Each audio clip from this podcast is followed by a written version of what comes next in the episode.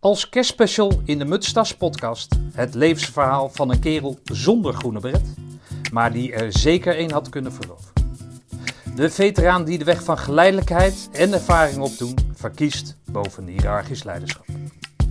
Als klein mannetje moederziel alleen zwervend door de straten van Bombay, lijkt hij een kansloos leven tegemoet te gaan.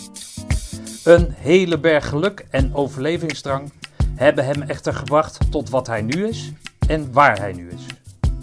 Lichting 93.1. Vandaag in de Mutstads podcast het verhaal van veteraan, majoor buitendienst Jamil Meusen. Major Meuzen, 70 07 04 206. Ik zit uh, bij uh, Jamil uh, Meusen. Ik had om drie uur afgesproken, was er om kwart voor vier. lag, lag aan mij. En ik heb Jamil leren kennen bij een, een, een gezamenlijke vriend van ons. Jan Bart. Werd, volgens mij, of volgens ons, werd hij 55 jaar, twee jaar geleden. Uh, Jamil heeft uh, vier kinderen. Die had hij toen, uh, wij mochten allemaal blijven slapen. Vier kinderen had hij in een huisje gestopt. En nou, de goede man ging met ons rode wijn drinken. Ehm, en Jamil bleek politieman te zijn. Maar daarnaast bleek hij een, een, een defensieachtergrond te hebben. Ik ging aan op één verhaal. Ik weet niet, ja, ik heb het net verteld waar je zoon Jay bij was. Kan je mij dat verhaal vertellen op de KMA? Weet je wel wat ik bedoel? Welk, welk verhaal? Help even. nou, jij, ging, uh, jij zat in Irak. Jij opteerde voor de, uh, voor de KMA. Jij ging naar het sollicitatiegesprek. En je kwam daar nou, nog niet uh, helemaal onder, het, onder het zand. Maar hoe kwam jij daar binnen? Nee, het klopt dat ik wel op een missie was toen op dat moment. en dat was in Bosnië toen. Oh, Bosnië. Dat was IFOR 1. IFOR 1 in uh, Bosnië. Dat was een van de eerste missies van, van de NAVO in Bosnië destijds, die, naar, naar Dutchbad. En inderdaad, in die periode had ik al gesolliciteerd voor de KMA.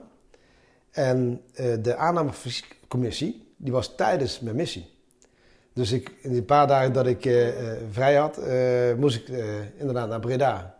Om daar voor een aantal kolonels en generaals mij te verkopen om aangenomen te worden.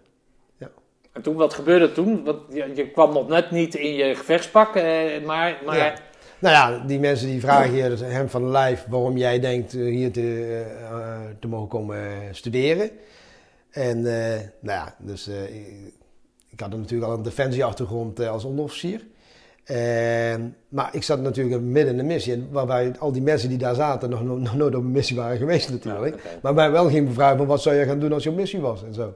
Okay. En ik, had net, ja. ik was net verlof. Dus in principe was appeltje-eitje. Wil je dat ermee zeggen of niet? Nee, het was geen appeltje-eitje. Alleen het uh, mooie was dat je heel direct kon antwoorden wat het betekent ja, ja, okay. om militair te zijn en over missies te praten. En wat het betekent om leidinggevend te zijn in zo'n missiegebied of, of op welke wijze dan ook. Ja, oké.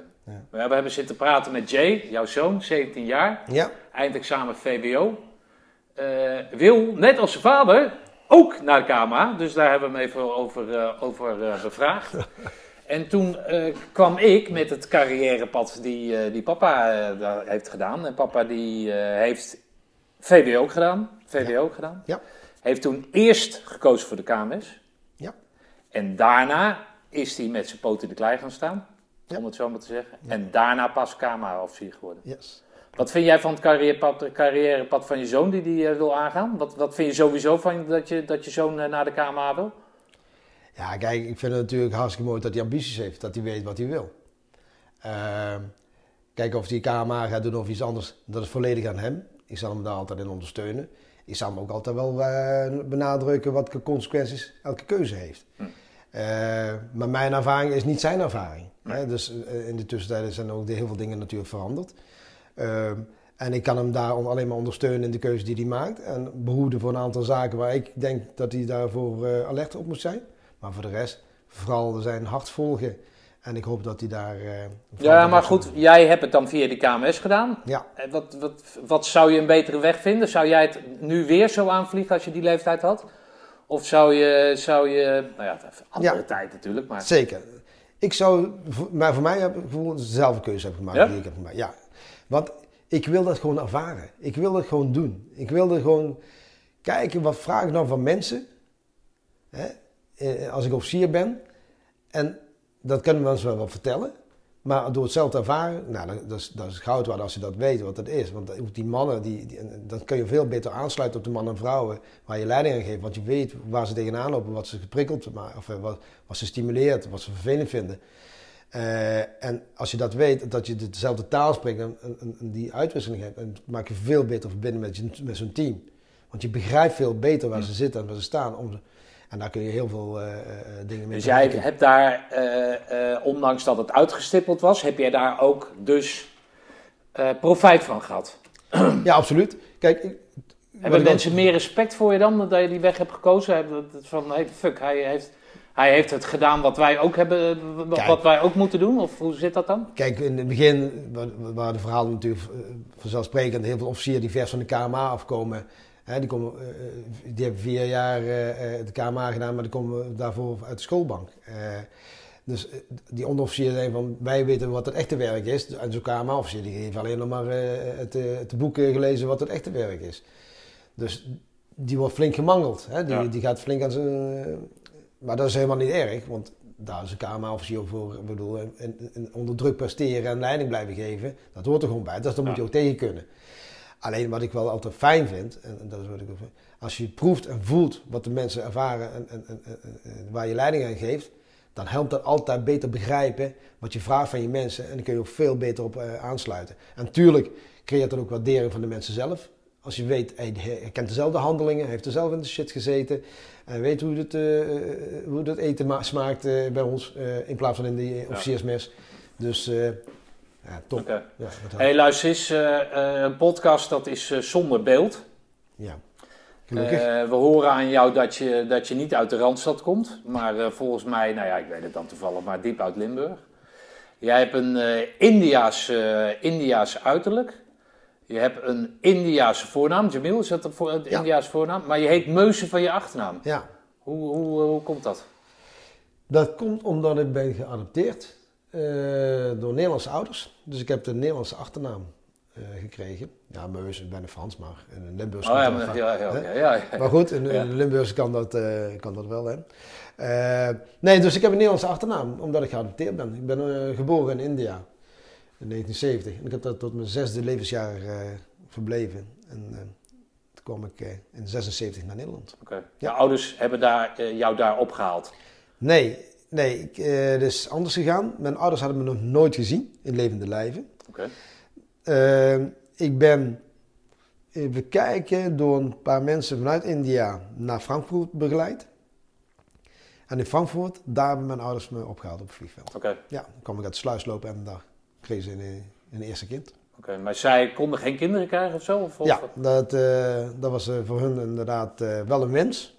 Ja. Maar helaas eh, eh, biologisch niet mogelijk. Eh, en toen was de optie inderdaad adoptie. Daar hadden ze best wel behoorlijk wat lang traject voor doorlopen. Van allerlei kinderen vanuit andere landen geprobeerd te adopteren. Lukte uiteindelijk niet, lukte niet, lukte niet. En uiteindelijk, want ze waren ook best wel aan de leeftijd om zo maar te zeggen voor adoptie. Dus, Ja, was wat, wat, hoe oud waren ze dan? eh, nou, mijn pa was al tegen de 40 volgens Oh mij. ja, Eh. Dus, eh, dus dat, eh, ja. Dat, Maar die wens was zo sterk ja, dat dus- ze daar alles aan gedaan hebben om, Ja. om daaraan, eh aan, nou ja, Precies. om dat tot een Precies. eh. Ik heb ook al die adoptiepapieren en ik zie ook al die verhalen en alles wat ze hebben moeten aantonen dat ze capabel waren om überhaupt goede Ja. ouders te zijn. eh, eh, en wat ze dan allemaal die vragenlijst moesten invullen en welke mensen er geïnterviewd zijn om, om maar even aan te tonen dat zij goede ouders zouden zijn. Hmm. Ongelooflijk. Ja. Hey, luister eens, en ik, ik ken mensen die, die, die herinneren zich dingen van toen ze drie jaar waren. Ja. Hoe zit dat, hoe zit dat bij jou? ja, dat heb ik ook. Ja? Ja, dat kan Dus jij weet dat hele traject, weet jij? Ik wil niet zeggen dat ik heel traject wel eh, weet, maar ik weet wel heel veel nog van die tijd. Eh, en dan begint eigenlijk inderdaad van mijn derde, vierde levensjaar. Ja. Dus jij weet, was, het- was het een prettige periode in India? Of, of ik kan me er niks bij voorstellen. Nou ja, dus wat ik zeg, mijn eerste herinneringen eh, van wat ik weet is dat ik inderdaad door de sloppenwijken van Mumbai eh, loop. Dus ik verblijf in die sloppenwijken eh, alleen. Eh, dus als je heel jong kind, klein manneke in een miljoenenstad. In die tijd zal er 8, 17, 18 miljoen inwoners zijn geweest of zo in Mumbai. Uh, toen heette het nog Bombay. Uh, en ik loop door die stad en ik zie dubbeldekkers, rode dubbeldekkers, bussen rijden. Achteraf blijkt natuurlijk dat die Engelsen daar natuurlijk uh, die bussen hebben vervoerd daar natuurlijk. Um, en dan ik, ben de weg kwijt en ik stap op een gegeven moment in de trein. Daar spreken twee politiemensen me op een gegeven moment aan. En ik geef aan dat ik niet weet waar ik ben en waar ik vandaan kom. En uh, die nemen me mee naar een noodopvang in uh, Bombay. In de wijk Dongri. Ik noem deze naam wel, maar toen wisten ze nog niet dat dat de wijk zo heette natuurlijk. Uh, en dat was een oude Engelse gevangenis. Die deed nu dienst als zeg maar, opvang van allemaal kinderen die van de straat afgehaald werden. Of van hun huis uit waren weggelopen in verband met huiselijk geweld. Of uh, opgepakt waren door de politie voor uh, bedelen, kleine zakkenrollerij, dat soort delicten. Die dus er zaten een paar honderd tot duizenden kinderen in, de, in, in, dat, in, dat, gevangeniscomplex. zonder luxes, zonder meubilair, alleen op de grond zitten, een bakje rijst en in de hoek kon je je behoefte doen. En daar heb ik tot zeker een half jaar ongeveer in verbleven. Totdat er een uh, Belgische priester daar naartoe kwam. En die Belgische priester die zag de erbarmelijke omstandigheden waarin de kinderen zaten, waaronder ik ook. En uh, die heeft toen tien kinderen meegenomen. Waaronder ik er eentje van was. En die tien kinderen zijn toen naar een ander tehuis gebracht. En dat stond onder de leiding van een Belgische overste, een zuster. Uh, en van de orde van de Sisters of the Cross. Uh, en daar, daar was een meisjestehuis. Van de leeftijd van baby van een paar weken oud tot 16 jaar. 16, 18 okay. jaar. Ja. Uh, waar in principe geen jongens verbleven. En uh, ik de mogelijkheid om daar, nou in ieder geval onder zeer mooie omstandigheden ten opzichte van de, noodopvang, uh, ten opzichte van de gevangenis, daar te mogen opgroeien tot mijn zesde levensjaar. Ik kreeg daar onderwijs, ik kreeg daar eten, het was veilig, het was omhangd, het, was een mooi stukje natuur, ook mooie tuinen, een boerderij, school, alles. Dus zo'n schil contrast tegen het uh, eerste noodopvang nou ja, dus ik was heel happy. Ik was een heel vrolijk kind. Ik kan me precies. Die zusters die me opvoeden, die ben ik blijven opzoeken tot, tot nog vorig jaar. Toen is oh, helaas overleden, die, die, die, die, zuster die mij heeft opgevoed destijds. Zuster Vida. Um, maar dus dat, daar was ik heel blij mee. En, uh, dus ik was toen... Maar hij, hij nam er tien mee van die duizend, zeg maar, ja, duizend, nou, in ieder geval. Ja, ja, en, en, weet jij waarom ze jou meenam, of waarom die priester jou meenam? Puur lak. Oké. Puur lak. Want hij had willekeurig honderd anderen kunnen meenemen. Maar niet omdat je iets goed kon, uh, nee, nee, bal nee, hoog houden nee, of, of... Ja, we hadden we maar een bal, hè. Ik bedoel, oh, okay, ja, dat, geen idee. Daar staan dat ik hem ook maar, maar het feit dat je daar helemaal niks had. Iedereen was zat onder erbarmelijke omstandigheden. We waren allemaal uitgemergeld, eh, onder voet, eh, onder allerlei ziektes, eh, eh, want je neemt van alles mee. Nou, dat zat er allemaal. Hm. Uh, en stond dat dan onder toezicht van de overheid dan of zo? Of, of was het ook een... Het is, het is een overheidsinstantie. Uh, dat heet tegenwoordig... Kun jij je telefoon uh, op die stoel leggen je ja. Het heet de Children Aid Society. Okay. Uh, en de overheid financiert dat. Maar er zijn maar een paar roepies per kind. Dus voor een bakje rijst en, een, ja, okay. en, een broekje is het dat. Maar meer is het dan ook niet. Er is geen geld voor iets meer. en de, de, de, de, de de delinquenten die gaan na een bepaalde tijd weer terug de straat op omdat ze de straf erop hebben zitten. Nou, je weet, die gaan weer de straat op. En, die, gaan... en die anderen die van, uh, vonden zijn, ja, als er geen familie van uh, komt of uh, geen enkele kennis, ja, dan worden ze naar anderen te huis gebracht. En dan hopelijk op een ja, adoptie her en der. Of, een, of een, inderdaad blijven ze in het huis totdat ze 18 zijn en, en zelfstandig weer kunnen gaan leven. Ja. Dus bij die moeder, moeder Overste, ja. vanuit daar kwamen de verzoeken binnen. Het, het doel was jullie herplaatsen of plaatsen nou ja, bij, was, bij het, gezinnen. Het was sowieso dat, uh, ook in dat meisjestehuis waar ik in zat, St. Catherine's Home heette het. Uh, die kinderen eh, in principe een aantal daarvan ook terug zouden gaan naar families. Omdat ze daar inderdaad tijdelijk daar zaten in verband huiselijk geweld of rechtszaken liepen of anders is. Eh, maar ook inderdaad kinderen die te vondeling waren gelegd. Baby's van een paar weken oud of zelfs een paar dagen oud. Want aan de poort van Sint Kettersom hangt een mandje. En daar kon je kind, Daar kon je kind in leggen. Je moet weten dat inderdaad in India als eh, eh, eh, vrouwen een kind krijgen en die van een bepaalde, de mannen van een bepaalde kom af, dat niet gewenst is in de kast of zo. Hm. Ja, dan mag je het kind niet houden, dus wordt hij afgestaan. Of anders wordt die vrouw mishandeld of whatever. Het is in ieder geval niet oké. Eh, of ze zijn, hebben geen geld om het kind te onderhouden. Dat kan ook. Er zijn allerlei redenen voor om ze de kinderen te vonden leggen. Dus van een paar dagen oud tot een paar weken oud. Eh, ja, en dan in dat huis worden de kinderen goed verzorgd. Krijgen goed eten, krijgen eh, educatie, dus bescherming. Dus op zich vond ik dat een stukje paradijs in, in Nou ja, zo'n omgeving. Zo voelt Ja. het er nog steeds voor mij. Als ik daar kom, Ja. is dat een stukje paradijs voor mij. Dus die ontmoeting met altijd bijzondere mensen is wel een leidraad in mijn leven geweest. Altijd. Of nou die Bels Pries is, of die zuster Vida, die mijn moeder is geweest. En daarna mijn adoptieouders. Er zijn altijd bijzondere mensen die maken dat mijn leven een bepaalde wending heeft gekregen of een Ja. bepaalde invulling heeft gehad. Hey, luister eens, eh, als jij dan eh, eh, toch zo ver kan teruggaan, hoe, hoe, hoe- als je zo klein bent en je bent dan alleen in al die, die, die, die ellende, wat, wat, wat, wat denk je dan? Ja, survival hè. Is, Ja? overleven. Oké. Eh, dat denk je niet ook niet bij na. Het is een automatisme. Het is een, een, eh, het is een ja, wat ik wil zeggen, is een overlevingsinstinct. Hè. Je moet gewoon eten. Het eten. Dus schapen wat je schapen kan. en zorgen dat je in de aandacht komt. Dat je gezien wordt. Hm. Hè, dat je ertoe doet. Want anders overleef je niet. Hm. Dus dat mechanisme, dat is, begint al op hele jonge leeftijd natuurlijk. En dat speelt natuurlijk wel eh, op mij natuurlijk, want dat vormt je natuurlijk enorm voor de rest van je leven. Het overleven, eh, maar ook leven in, in, in, in, eenzaamheid, hè, alleen. Ja. Je hebt geen andere nodig om te kunnen overleven, weet je wel. Dus, dat, dat, dus, eh, terwijl een mens eigenlijk gewoon een sociaal iemand is. Maar Ja. ja. ja, als je alleen bent en je hebt niemand die voor je zorgt, dan moet je het zelf doen. Dus, eh, dus heel, al, heel vroeg, al een heel vroeg stadium ben je al bezig met volwassen worden en voor jezelf zorgen. Ja, ongelooflijk. Terwijl je drie, vier jaar. Ja, maar je hebt nu vier jongens, dus jij kan dat wegzetten tegen hoe je zelf, zeg maar. Ja, kijk, die, die ervaring wat ik heb beleefd in mijn levensjaar, hoop ik, gun ik mijn kinderen natuurlijk niet. Nee. Ik bedoel, eh, eh, ik denk geen, geen enkele ouder wil dat dat zo is. Dus je gunt de kinderen het beste. Goed eten, goe- goede bescherming, eh, kleding, zorg dat Ja. ze zich goed voelen, onderwijs.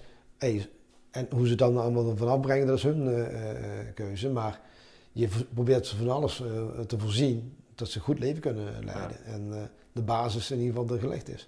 Nou, dat is mijn primair eh, levensdoel. Maar goed, jij komt op Frankfurt aan. Ja. Dan? Ja. Via twee, twee... ja, eh, kijk, eh, eh, ik, kwam naar eh, Nederland toe en ze hadden meteen mij verteld, je gaat naar Je zit voor het eerst in een vliegtuig. het eerste ja. vliegtuig, gaaf. Maar Ja. dat is ook best dat wel leuk. Ja, Ja, als je jong bent en je, je zit in een machine wat je niet kent Ja. en eh, je hebt er wel van van een keer gezien. Maar je mag er dan in zitten. Ja, je weet niet waar je naartoe gaat, Nee. want je kunt geen voorstelling maken natuurlijk als kind.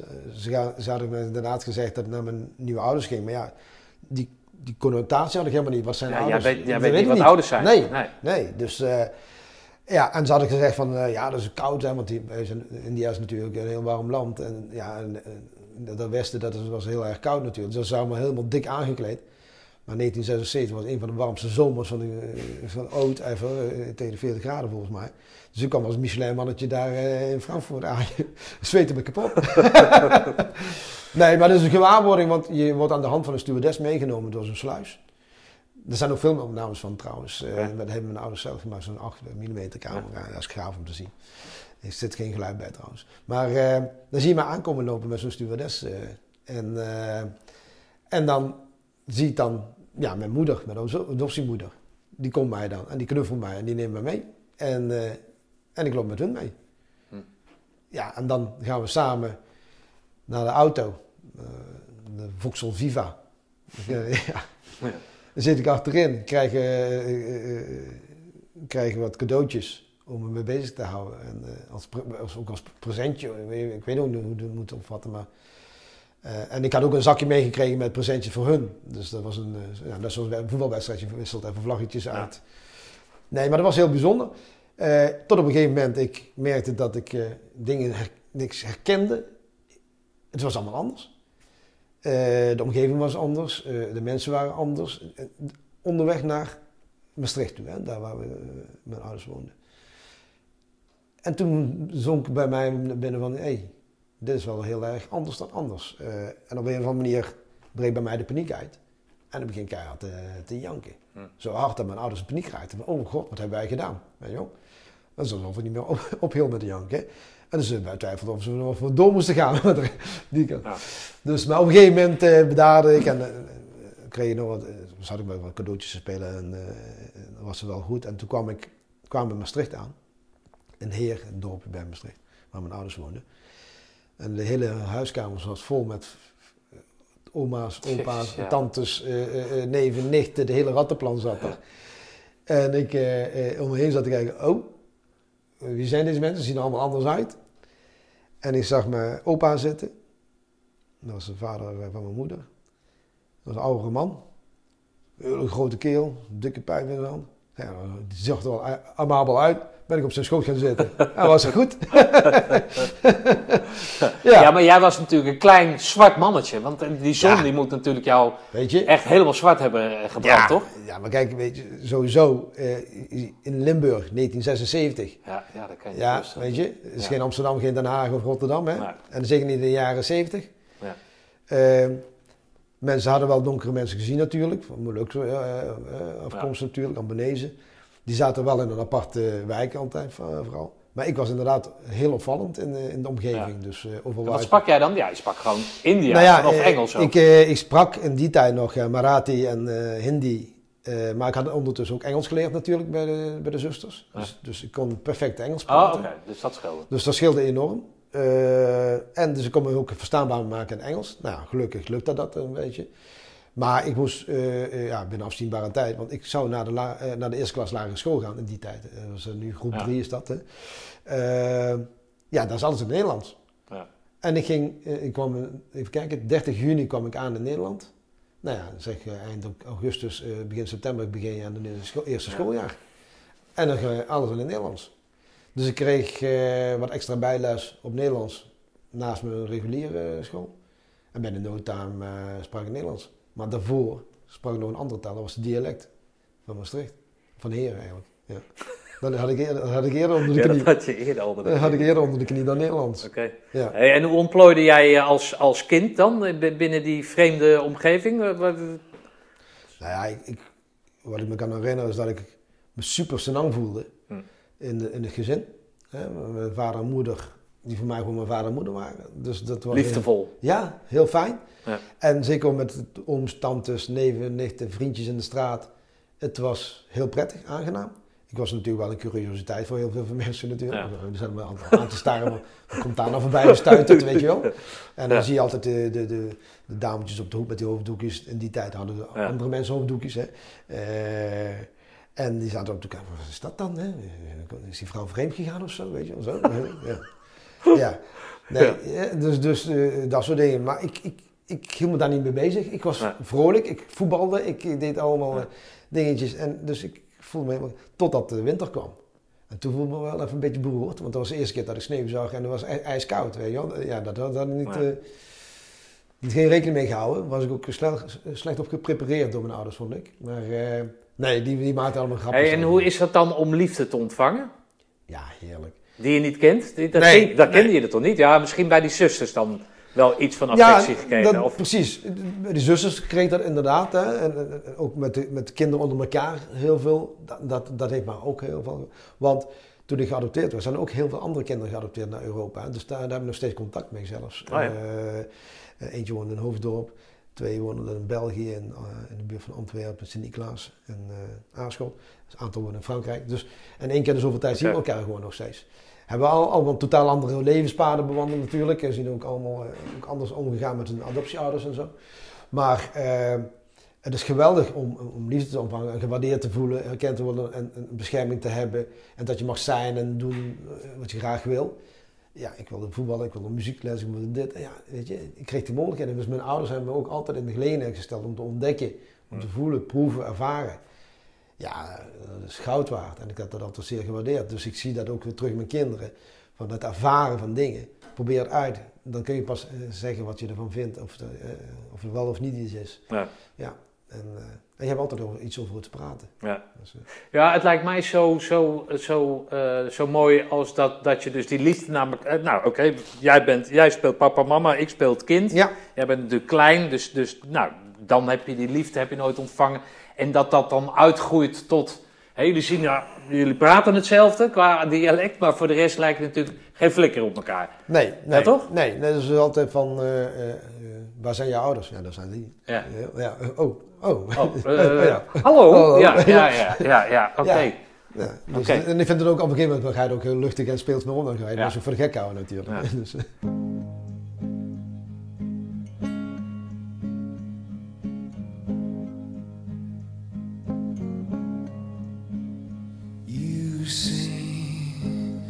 you want diamonds on a ring of gold. You say you want your story to remain untold, but all the promises we made from the cradle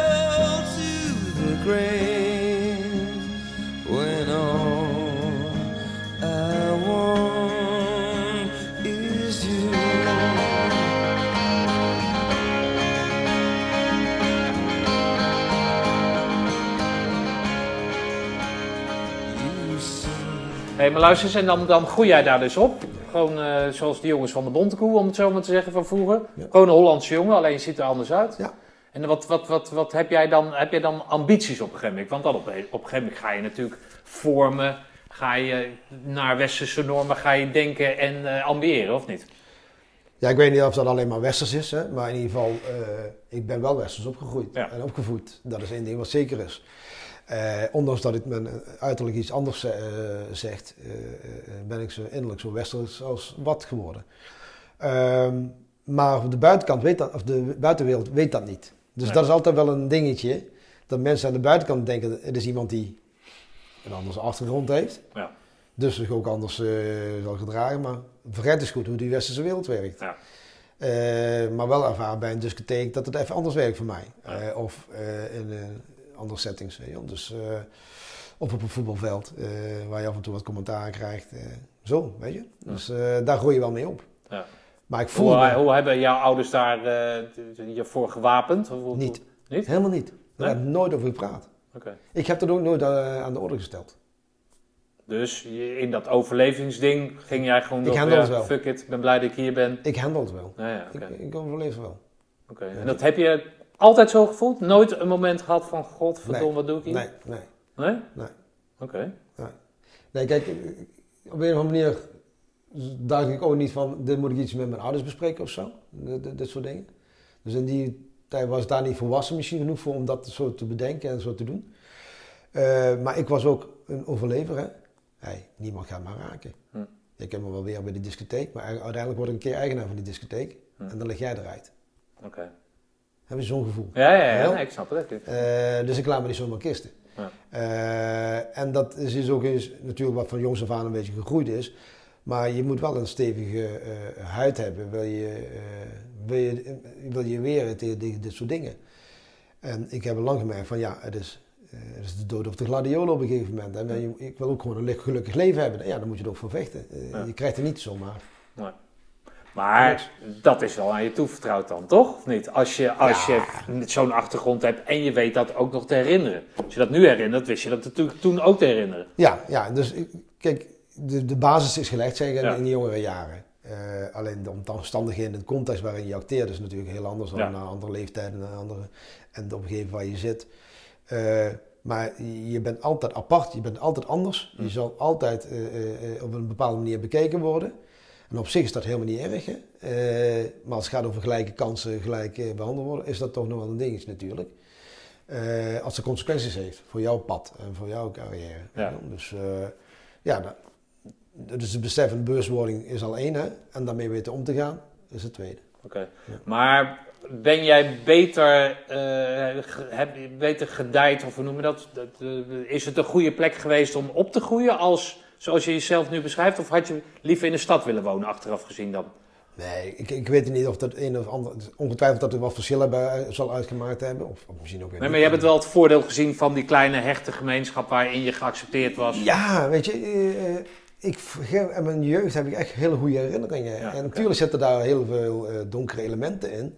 Kijk, je moet je voorstellen, op school, eh, op de lagere school waren er maar een paar donkere kinderen. Wat ik al zei, een paar Albanese kinderen of Molukse kinderen. Maar als je naar VWO ging, was het enige. Ja. Weet je wel? Want die mensen hadden geen toegang tot dat soort eh, onderwijs op dat moment. Hè. Eh, misschien wilden ze ook niet, of andere redenen, maar het was zo, en dat zie je nog heel veel zo, dat op de hogere eh, opleidingen toch een andere wereld is. Ja. En ik zat ertussen. Dus voor mij, ik, het was altijd opvallend. Ja. Ook bij de voetbalclub. Hoeveel mensen speelden nou in, in, in die, in die categorieën? Waarom maar weinig? Hey, en en eh, met de meiden, wat, wat was je dan? eh, was, nou, dat was was je, niet vervelend, hè? nee, was je wel exotisch natuurlijk, of niet? Ja, daar voordeel viel- voordeel daar viel- in, in de aandacht? Of, eh, Daar viel je ook in op. Eh, dat had ook zo, soms zijn voordelen. Dat, eh, dat was ook zo. Ja. Maar omdat je lekker danst of, of, of eh, weet ik Nou wat? ik, eh, ik probeer te bewegen. En dat ging aardig, laat ik zo zeggen. Nee, dat, is altijd, dat, dat doet het altijd goed. Ja, ja, nee, dat is een beetje... dat doet het altijd goed. Oké, dus dan ga jij het VWO doen. ja, Dat maak je dan af. ja. En dan? Ja, ik had het idee om dan eh, het leger in te gaan. En waarom dan het leger? Ik eh, was een heel actief kind. Ik sportief. Eh, heel veel challenges, uitdagingen. Nou, wilde ook best wel overal wel goed in zijn, weet je wel. Zie steeds mezelf uitdagen. En hield ook van avontuur. Eh, dus ik denk, eh, nou, eh, laat ik vooral mijn zinnen zetten op een leger. Nou ja, dat was eigenlijk nog dan volgens mijn ouders. Ja, snap ik. Ja, snap je? Heb je eindelijk een kind? Ja, nee, dat is toch zo. Heb je eindelijk een kind, dan kiest hij, kiest hij voor iets waar je hem dan eventueel mee zou kunnen verliezen. Ja, maar in die tijd moet ik heel eerlijk zeggen, hè, eh, eh, spreken we dus eh, eind jaren 80, eh, begin 90 jaren, er waren nog niet zoveel missies. Hè. Eh, Nee, Cambodja liep toen volgens mij, Libanon en zo. maar een merendeel van het leger was nog nooit uitgezonden. We zaten nog helemaal niet in een leger om Nee, we uitgezonden konden te niet in worden. de toekomst kijken, maar goed, dat je... vooral Dat, de Hoogduitse la- laafvlakte bewaken en Ja. maak een vuist van je gezicht en nee, maar de Ja. kans dat je, dat je in contact zou komen met dat soort extremiteiten is groter dan dat je achter een bureau zit, weet ik veel, van Ja, de ja. Dirk van der Broek. Of, Nee, zeker, zeker. Hè? Maar ik denk niet dat dat de reden was waarom, eh, zeker mijn vader zei dat dat geen goed idee was. Het ging meer om het feit dat het te doen gebruikelijk was dat je naar je VWO de universiteit ging. Hm. En een, een doctorandus of wat voor titels er allemaal aan vast zaten, ging halen en daarna ging werken. Hm. Want het zou zo zonde zijn om zo'n VWO te verwaarlozen om het leger in te gaan. Ja. Dat was volgens mij meer principe. Oké. Ja. Maar goed, met jouw VWO, Ja. hebben we net besproken, kies je dat niet voor hè, de, de ambitie die je zo nu ook heeft, maar kies je een ander pad. Ja. Ik, eh, dus wat ik al zei, hè, dus mijn pa en mijn ma die zagen dat echt niet zitten. Dus die zei van, joh, joh je gaat maar studeren. Dus toen ben ik binnen, want ik moest binnen rap rap time een keuze maken, welke studie dan. Eh, nou, één ding wist ik zeker, ik wilde op kamers, dus er moest ergens een universiteit zijn wat ver weg lag. Eh, en nou ja, toen ben ik een aantal universiteiten afgegaan. Toen kwam ik in Tilburg op de CUP eh, uit. Dat heette toen de Katholieke Universiteit Brabant nog. Eh, nou, daar hadden ze iets van bestuurs- en beleidswetenschap. Klonk goed. Heel wetenschappelijk ook. Mooie titel. Ik denk, nou, laat ik dat maar pakken. Kan ik in Tilburg op kamers. En dan zien we wel.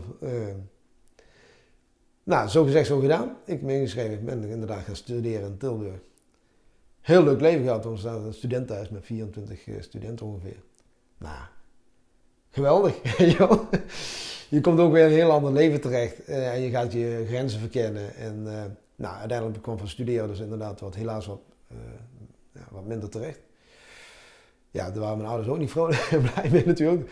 Ze ja, ik wilde toch liever iets anders doen. Nou ja, dat zei ik, bij godsgratie hè. En toen ben ik die splitter leger ingegaan.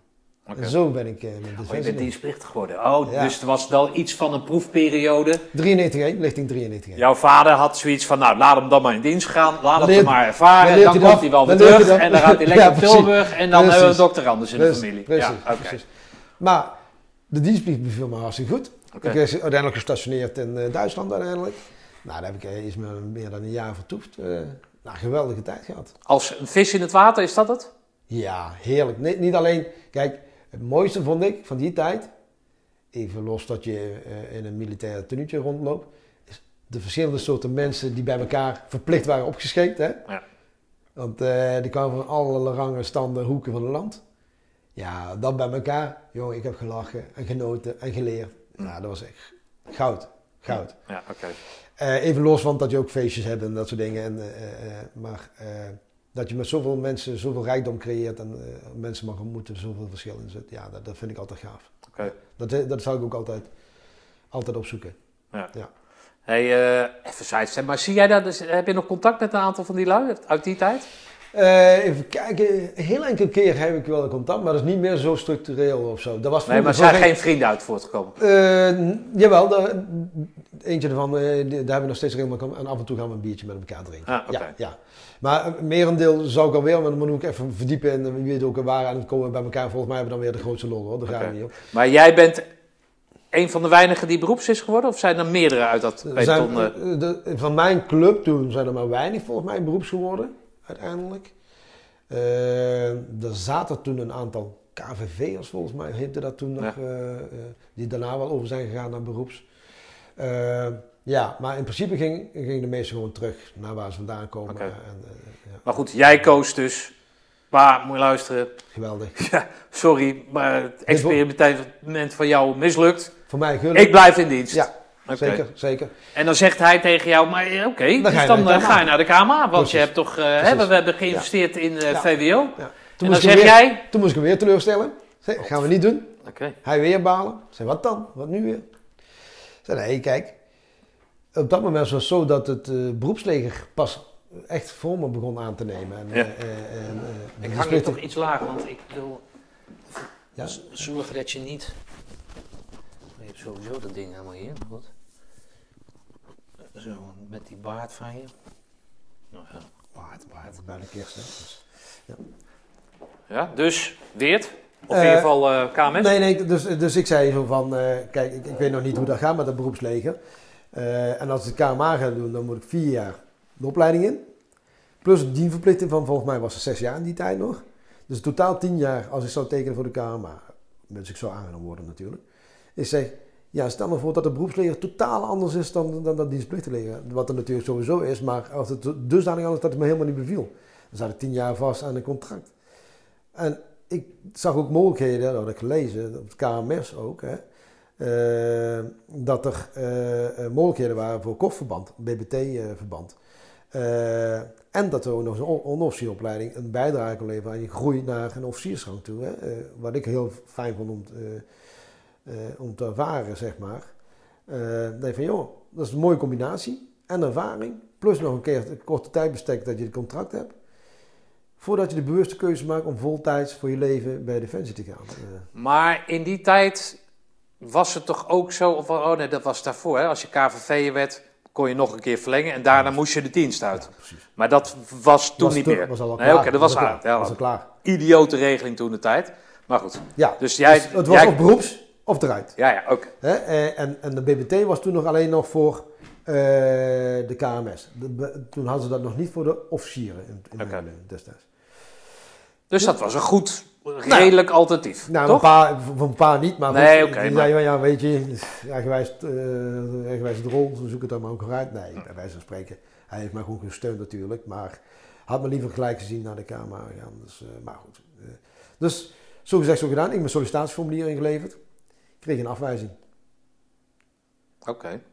Ik denk, shit, waarom dat dan? Dus ik gebeld, joh, ik zie een afwijzing. Ja meneer, u bent hooggeschoold, u heeft VWO gehad. Eh, wij adviseren om gewoon naar de KMA te gaan.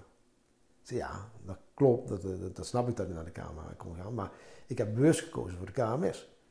Oh, waarom dan? Ik ja, ik wil ook weten en ervaren, voordat ik naar zo'n KMA ga, Eh, wat het is om onderofficier te zijn. Wat het nou betekent eh, en hoe het leven is om onderofficier te zijn en aan- aangestuurd te worden door officieren. Want als ik die ervaring heb en ik ga een keer solliciteren voor zo'n kamer en ik word officier, weet ik precies, of eh, kan ik in ieder geval inschatten, wat er leeft en ruilt en bij die mannen en manschappen. En eh, kun je veel beter ook aanvoelen hoe je ze kunt stimuleren, activeren om dingen te doen waarin, ja, eh, om een grote tijdsdruk en stress toch je, je team voorwaarts te krijgen. Nou ja, toen dachten we van, ja, dat hebben we nog nooit meegemaakt, weet je. Dat spraken ze ook zo uit. ja, Hun verwondering spraken ze ja, uit. Oké. ja. Er- er- er- er is nog nooit iemand zo bij ons binnengekomen. En ik mocht binnen. Oké. Dat heb ik gedaan. Dus ik heb een KMS-opleiding gedaan. Verkort traject eh, om BBT'er te worden. En ik werd eh, wachtmeester in cavalerie. Eh, en met name een SMO op de Berkelkazerne in Amersfoort. Een tankcommandant geworden. En paraat bij 11 tank en, eh en Oorschot destijds. En nog niet veel later op missie in naar Bossie met IVR Oké, Met een tank. met de tanks. Oké. Ja. En hoe was dat dan?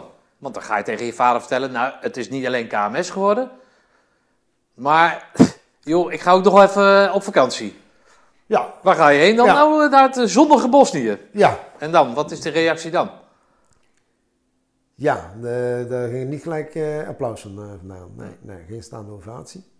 Snapte natuurlijk wel dat het erbij hoorde. Eh, sterker nog, ik had me ook opgegeven daarvoor. Ik hoefde niet. Had je dat verteld? Ja. Dus, eh, want eh, ik zat in het Bravo-eskadron en het Alpha-eskadron werd uitgezonden. Onder leiding van een eh major die nu hier twee deuren verder woont van mij. Nee? En, eh, en ze zochten nog mensen, omdat ze het niet gevuld kregen. En toen hebben we mijn hand opgestoken. Oké. Ja, en eh, Maar dat was allemaal op vrijwillige basis. nee, Omdat jij zegt dat er niet genoeg mensen konden krijgen? een aantal mensen hadden gewetensbezwaren. Die gingen, eh, Ja, dus, oké, dus- ja. dus er waren toch een aantal mensen die in één keer ziek, zwak, misselijk waren Snap ik, natuurlijk. ja. eh, dus, eh, of met gezinssituaties zaten. En eh, toch eh, fijn vonden als anderen die misschien Ja. wel vrijwillig wilden, toch eh Ja. die stap zouden maken. Nou, ja. Opoffering. Laten wij het dan maar zijn. Ja. Ik offer me wel op. Ja. En het mooie was, ik had een aantal mensen die waar ik ondertussen mee eh, in mijn peloton had zitten destijds. eh, die ik ook, eh, waar ik ook gevoel van, joh, met samen kunnen we die klus wel aan. Dus Hmm. nog een paar mensen. En, met die wachtmeester die, die toen meeging. Ja, geweldig, weet je. Dus, Hoe ga je daar dan heen? Met welk gevoel ga je daar dan heen? Weet je, we, we werden eerst opgeleid als eh, blauwe, want we zouden eerst een blauwe missie gaan draaien na het Ja. Dutchbad. VN, VN is VN-missie. Ja. Dus we liepen met die blauwe vuilniszak op onze helm. Weet je, wel. je Ja. kent het wel, op de Weerse heide, op, Pies eh, bemannen en, en dat soort dingen. Dus geen tanks. Maar ja, toen kwam de val van Srebrenica. Lees voor eh, kip, NATO, konijn. En, en- en we veranderden de missie van blauw naar groen. En de tanks inzet. Ja. Ja, dat was wel even switchen. Ook veel beter in mijn gevoel natuurlijk op dat moment. En je maakt ook wel vertrouwder natuurlijk, dat je eh, zelf ook wat meer mandaat kreeg natuurlijk in die tijd. En eh, nou ja, dus... eh, Maar ben je dan opgewonden? Fuck, dit is de shit. We gaan, we gaan, is dat dat jongensachtige? Is dat avon, op avontuur? ja, Ben je dan bewust van gevaar? Of, of hoe ga je dan? Ja, Voor volk en vaderland? nou ja, Dat? Ja, ja, ja zo, zo, zulke woorden zou ik dan niet hebben. Maar het is wel zo dat je zegt van wauw, weet je. Dit is wel waarvoor je getraind bent en eh, al die oefeningen die jij hebt laten doen. En, eh, en, die schuttersputjes hebt zitten eh, snotteren en Oké, gewoon niet. Dus als militair, want dan ben je militair. Je zit er al een tijd in. Maar dan, dan is dit de, de, de, de, de, de Voor- kers op de taart. Is dit dat? Voor mij wel. Ja. Voor velen was het zeker niet, hè? want daardoor zijn we, hier hebben we niet voor gekozen. Hè? Voor velen zijn van een missie. Dat was in die tijd was dat niet voor iedereen natuurlijk een eerste keuze geweest om bij Defensie te gaan, om op missie te gaan. Dus er waren ook heel veel mensen die dat helemaal niet hadden. Hm. Eh, nou, ik had er bewust voor gekozen. Ik wist ook in die tijd dat beroepsleger ook eh, inderdaad eh, voor missies eh, gingen. Nou, dus ik wist dat het eraan zat te komen. Maar ik, ik wilde het ook ervaren. Ik wilde het ook meemaken. En hoe, hoe, hoe mooi ik het ook vond om gelijk ook met zo'n apparaat als een tank, die Leo 2 eh, Leopard 2A4, als eerste keer uitgezonden te worden. dat ook Nederland, Nederland tanks uitzendt, weet je wel. Hm. Nou, en daar ben je bij. Ja. Dus, dat is, eh, ja, een, primeur. Maar ook het feit dat je dus naar een land gaat wat je helemaal niet kent. Wel met je teammaten gaat, naar naartoe gaat en dan over, ja, wij gaan het gewoon maken, weet je wel, dat gevoel. Eh, we gaan er eh, iets van maken. Oké. Ja. En wat gebeurt daar dan? In het missiegebied? Ja? Nee. Nou ja, In jouw missiegebied? In, in- missiegebied. Nou ja, kijk, wij, wij, wij werden vooruitgestuurd natuurlijk. Die tanks zouden er nog aankomen. Die gingen met de boot, eh kwamen die in Split aan. We zaten al een tijdje in Split. Split was mooi weer. 20 graden, iets meer. Zonnetje, weet je wel. Nou, goed voor toevoeg rustig. Ik merkte weinig van de oorlog. Of van de naoorlog, ja, want dat was eigenlijk eh, naoorlog. Ehm, nou, toen de tanks er waren, gereed maken, die gingen de diepladers op. En we gingen in bussen, gingen we het eh, gebied in. En dan komen we door een tunnel op een gegeven moment. En dat is net of iemand eh, de lamp heeft uitgedaan en een andere film heeft opgezet. Dus van een zonnige split. Maar mooi weer, rust. Je ook naar rust, maar doodse rust. Een, landschap wat vernietigd was. Eh, alles grijs, dood, alles kapot. Geen huis, geen dak eh, wat overeind stond. Geen dieren, niks dat levend was, wat je zag.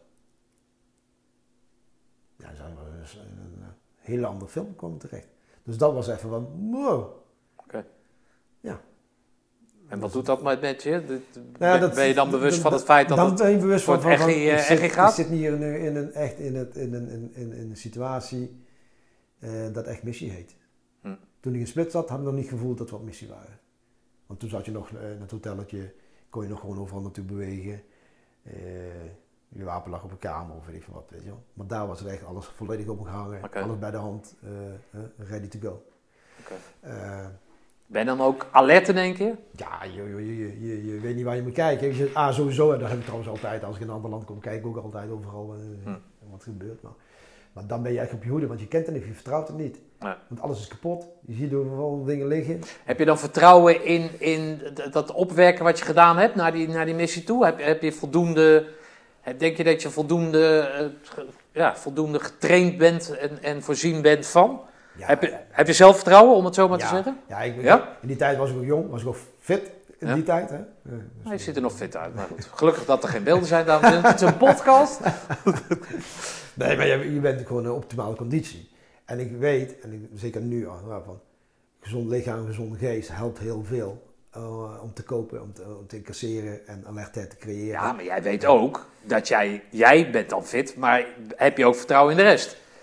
Is Ja. de rest ook fit? Ben je, Ja, ben je ja, met z'n allen klaar ervoor? Kijk, kijk je, je bent vooral bezig om te kijken van oké, hoe kan ik daar hè, met, met mijn team dan waar je mee bezig bent, hoe kun je elkaar nou top houden, en fit houden, alert houden. Constant elkaar blijven informeren, hoe zit je erin, hoe, hoe voel je, hey, kan je het handelen, weet je. Dus veel communiceren. Hm. Op basis daarvan krijg je wel vertrouwen dat het goed zit, weet je wel. Dus als ik die kant op kijk, kijk die andere die kant op, weet je. Dat, dat, dat, Hm. dat merk je wel. Alleen, we merkten natuurlijk wel dat we in een omgeving kwamen, ja, dat is nou nooit niet het oefenterrein van de Weerse Heide, weet je wel. Ja. Eh, en het land was bezaaid met mijnen. Ja. Het was compleet bezaaid met mijnen. Dus die alertheid over explosiegevaar, eh, eh, over, over booby traps, nou, shootings of uh, mortiereninslagen, dat soort dingen, daar was je heel alert op. Hm. Maar ook het feit dat in al die huizen die kapot waren, daar leefden ook af en toe wel eens wat mensen natuurlijk. Ja, zijn die goed, zijn die slecht? Eh, wie zijn het? Ik kan ze niet herkennen, want ze hebben geen uniforms aan. Sommigen wel, sommigen niet. Ja, dus het is geen eh, ene partij versus een andere partij. Of eh, sterker nog, wij waren van geen enkele partij. We zitten tussen partijen in. En die partijen kun je bijna amper herkennen van aan Ja. het uiterlijk of zo wie het zijn. En welke bedoelingen ze hebben. Dus je bent altijd zo bezig met, dit is mijn team, dit is vertrouwd. En de rest, dat weet ik dus niet. Hm. Ja, dat is Maar ja, je bent fit, je bent alert, ben je nooit bang? Ik heb er nooit bang voor. Maar dat is ook een, misschien een ding wat ik heb weggezet om puur automatisch op handelen, instructief. Niet laten toestaan dat, je, dat het er komt, die angst. Maar je team? Nou, ik heb wel mensen gezien die bang waren. Ik heb ook mensen gezien die op een gegeven moment niet meer gingen functioneren. Ik heb ook mensen gezien die moesten terug. Ik heb ook mensen gezien die ook terecht bang waren hoor. Weet Ja, nee.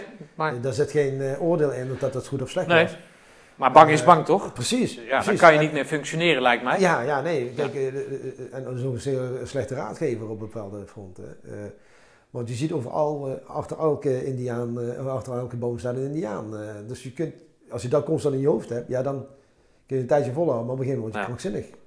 Maakt dat jou dan, eh, jij zegt je bent niet bang, maar als je de angst om je heen ziet, om het zo maar, het een beetje gechargeerd, maar als, maakt dat jou dan als, als leider op dat moment, eh, geeft het je de positie dat je tegen jezelf zegt, nou ja, daar kan ik ook niet nog eens een keer bang zijn.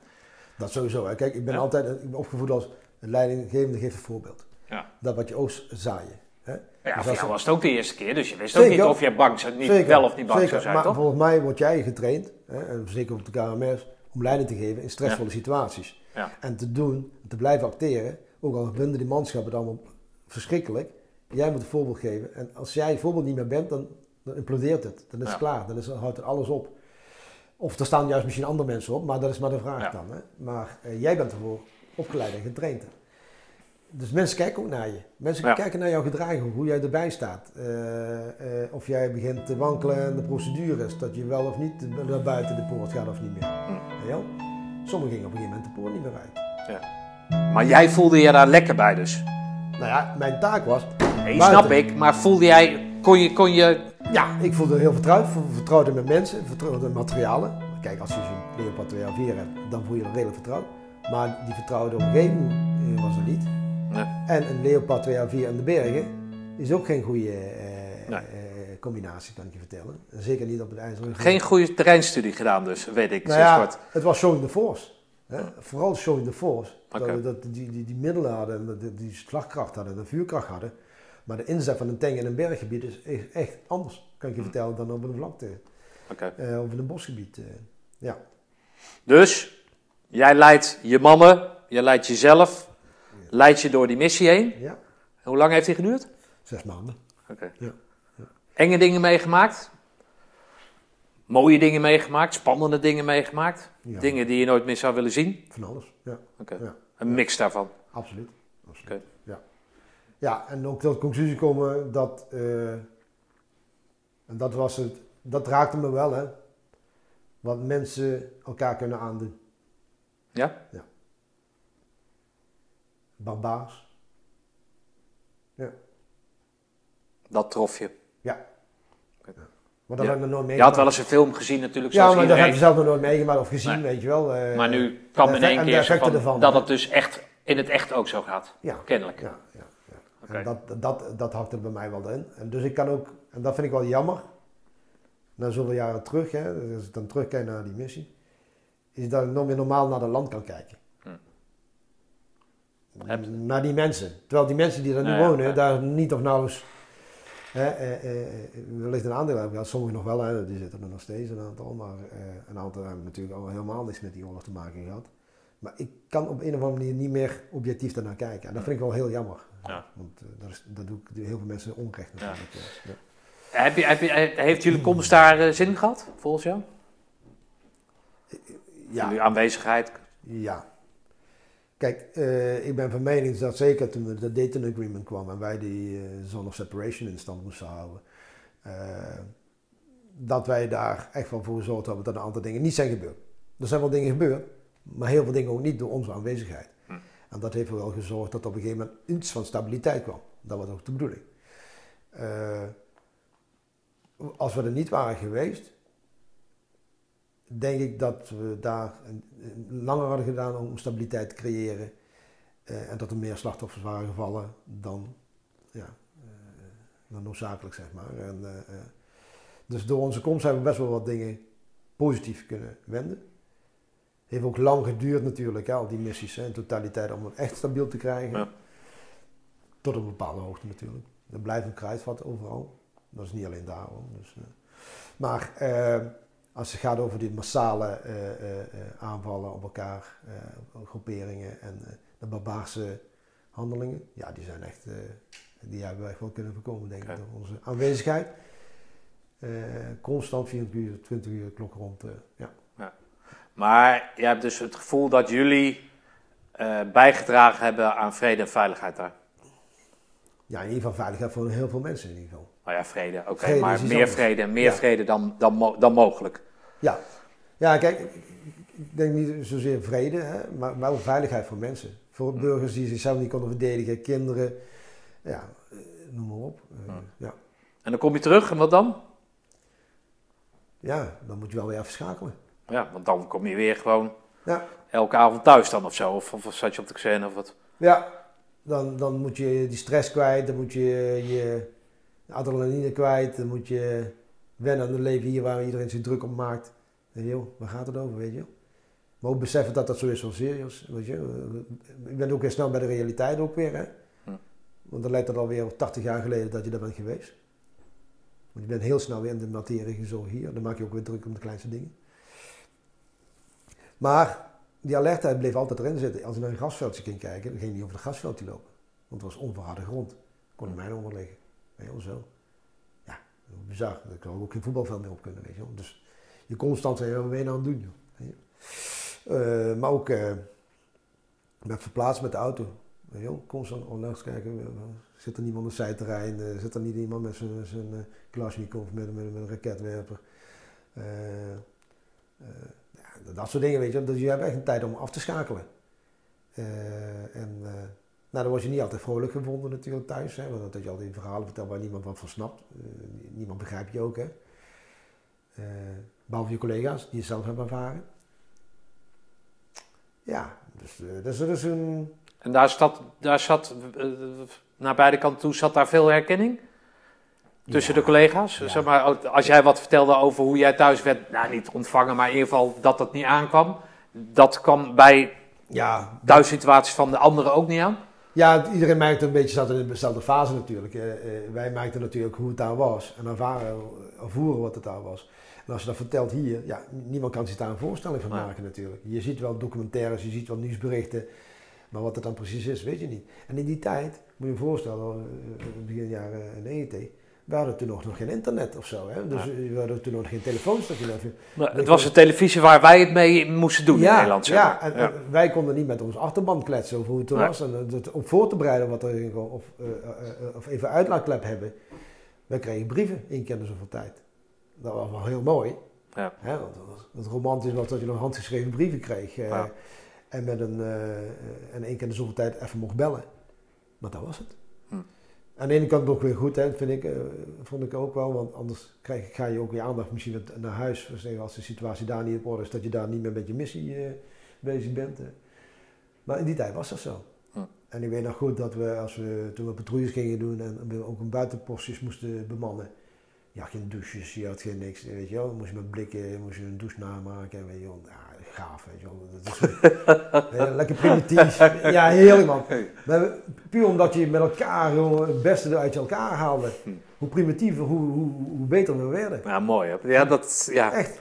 Ja. Al die luxe weghalen de, tot de kern van de mens komen. Ja. En, uh, en dan moet je op elkaar vertrouwen. En ja. dat maakt het team zo sterk. En dan heb je de beste en de stoerste verhaal natuurlijk achteraf. Hè. Maar het helpt wel om, om, om al die luxe even weg te halen en dan kijken van hoe trek je dat nou? Hè? Hoe overleef je nou in zo'n situatie? En op een gegeven moment was het ook min 20 joh. Dat was echt geen leukigheid. Nee, Kijk, ik ben, zeker voor een jongen uit India. Ik ben, ik ben wat een mooi weertype hè. Maar uh, nee joh, dus, dat, dat, je vraagt wel van, van je lichaam, van je mensen. Ja. En uh, ja, in het begin ook alleen maar blik voor, weet je. Oh, oh, dan kan je op een gegeven moment wel vervloeken, maar je blijft het eten, want ja, ja. je moet fit blijven, weet je. Maar ja, dan kom je thuis en dan voel je al die smaak en. Okay. Wow. Dus als je thuis bent, of thuis bent en weer terug bent in Nederland, Ja. dan wordt die band eigenlijk nog sterker, omdat niemand, je kan je verhaal nergens kwijt, dus je kan het alleen maar bij elkaar kwijt. Ja. Wat maakt dat die bond nog sterker wordt. Ja. Wij tegen de rest, of nou ja, niet in dat vijandelijke, Nou ja. maar wel van qua begrip, qua... Je, je hoeft elkaar weinig te zeggen. of, eh, je, snapt, je, snapt, je snapt elkaar gelijk. Ja. En als je zegt van, en ook opmerkingen of zo, dan weet je precies in welke context je die moet plaatsen, weet je wel. Eh, Ja. Dus, eh, en, eh, nee, maar dat is, dat is, dat is een ervaring voor leven. wat, wat mij in ieder geval, ik had voor geen goud willen missen. Maar ik weet dat er heel veel mensen het echt wel als goud hadden willen Ja. missen. Ja, omdat ze het te veel impact op hen heeft gehad. Waardoor ze PTSS hebben opgelopen of ja, in ieder geval minder goed hebben mee hebben kunnen dealen. En liever die ervaring niet hadden gehad. Ja. Eh, eh, Maar goed, dat is met de wetenschap achteraf natuurlijk. zeker, zeker, zeker. Ja. En, en, en dus tot op de heden ten dagen is het nog steeds zo natuurlijk, denk ik. eh, waarbij het, de ervaringen totaal anders zijn. Hè. Kijk, er zijn ook mensen die zijn op uitzending geweest en die hebben zes maanden split verbleven, weet je. Die heb je ook. Ja. dan heb je echt een hele andere uitzending gehad. Ja. Eh, Ja, de een heeft geluk, de ander minder. Ja, toch? nee, maar goed, Ja, het hoort ook bij de job die je hebt. ja. Kijk, eh, eh, eh, als ik logistiekeling ben en, word en krijg een opdracht om zes maanden split de logistiek te vervoeren, is dat je opdracht. Ja. Prima. Ja. Dan kan de individu voor de rest niks aan Nee. doen. Maar eh, dat is het dan. Ja. Kijk, ja, kijk, hij, dat, is dat nou die eh dat zei toekomstige. KMA-officier? zeg toch? Je moet toch eerst kloppen, in de houding staan en dat Ja, soort zaken, of eh, niet? Dat komt de ontgroening aan. Ze hebben Oh, ja, ontgroening. Dit- dat, dat zijn, dan gaan ze dit soort eh fratsen eruit halen. We gaan even pissen, Ja, Jamil. Ja, dat is heel goed.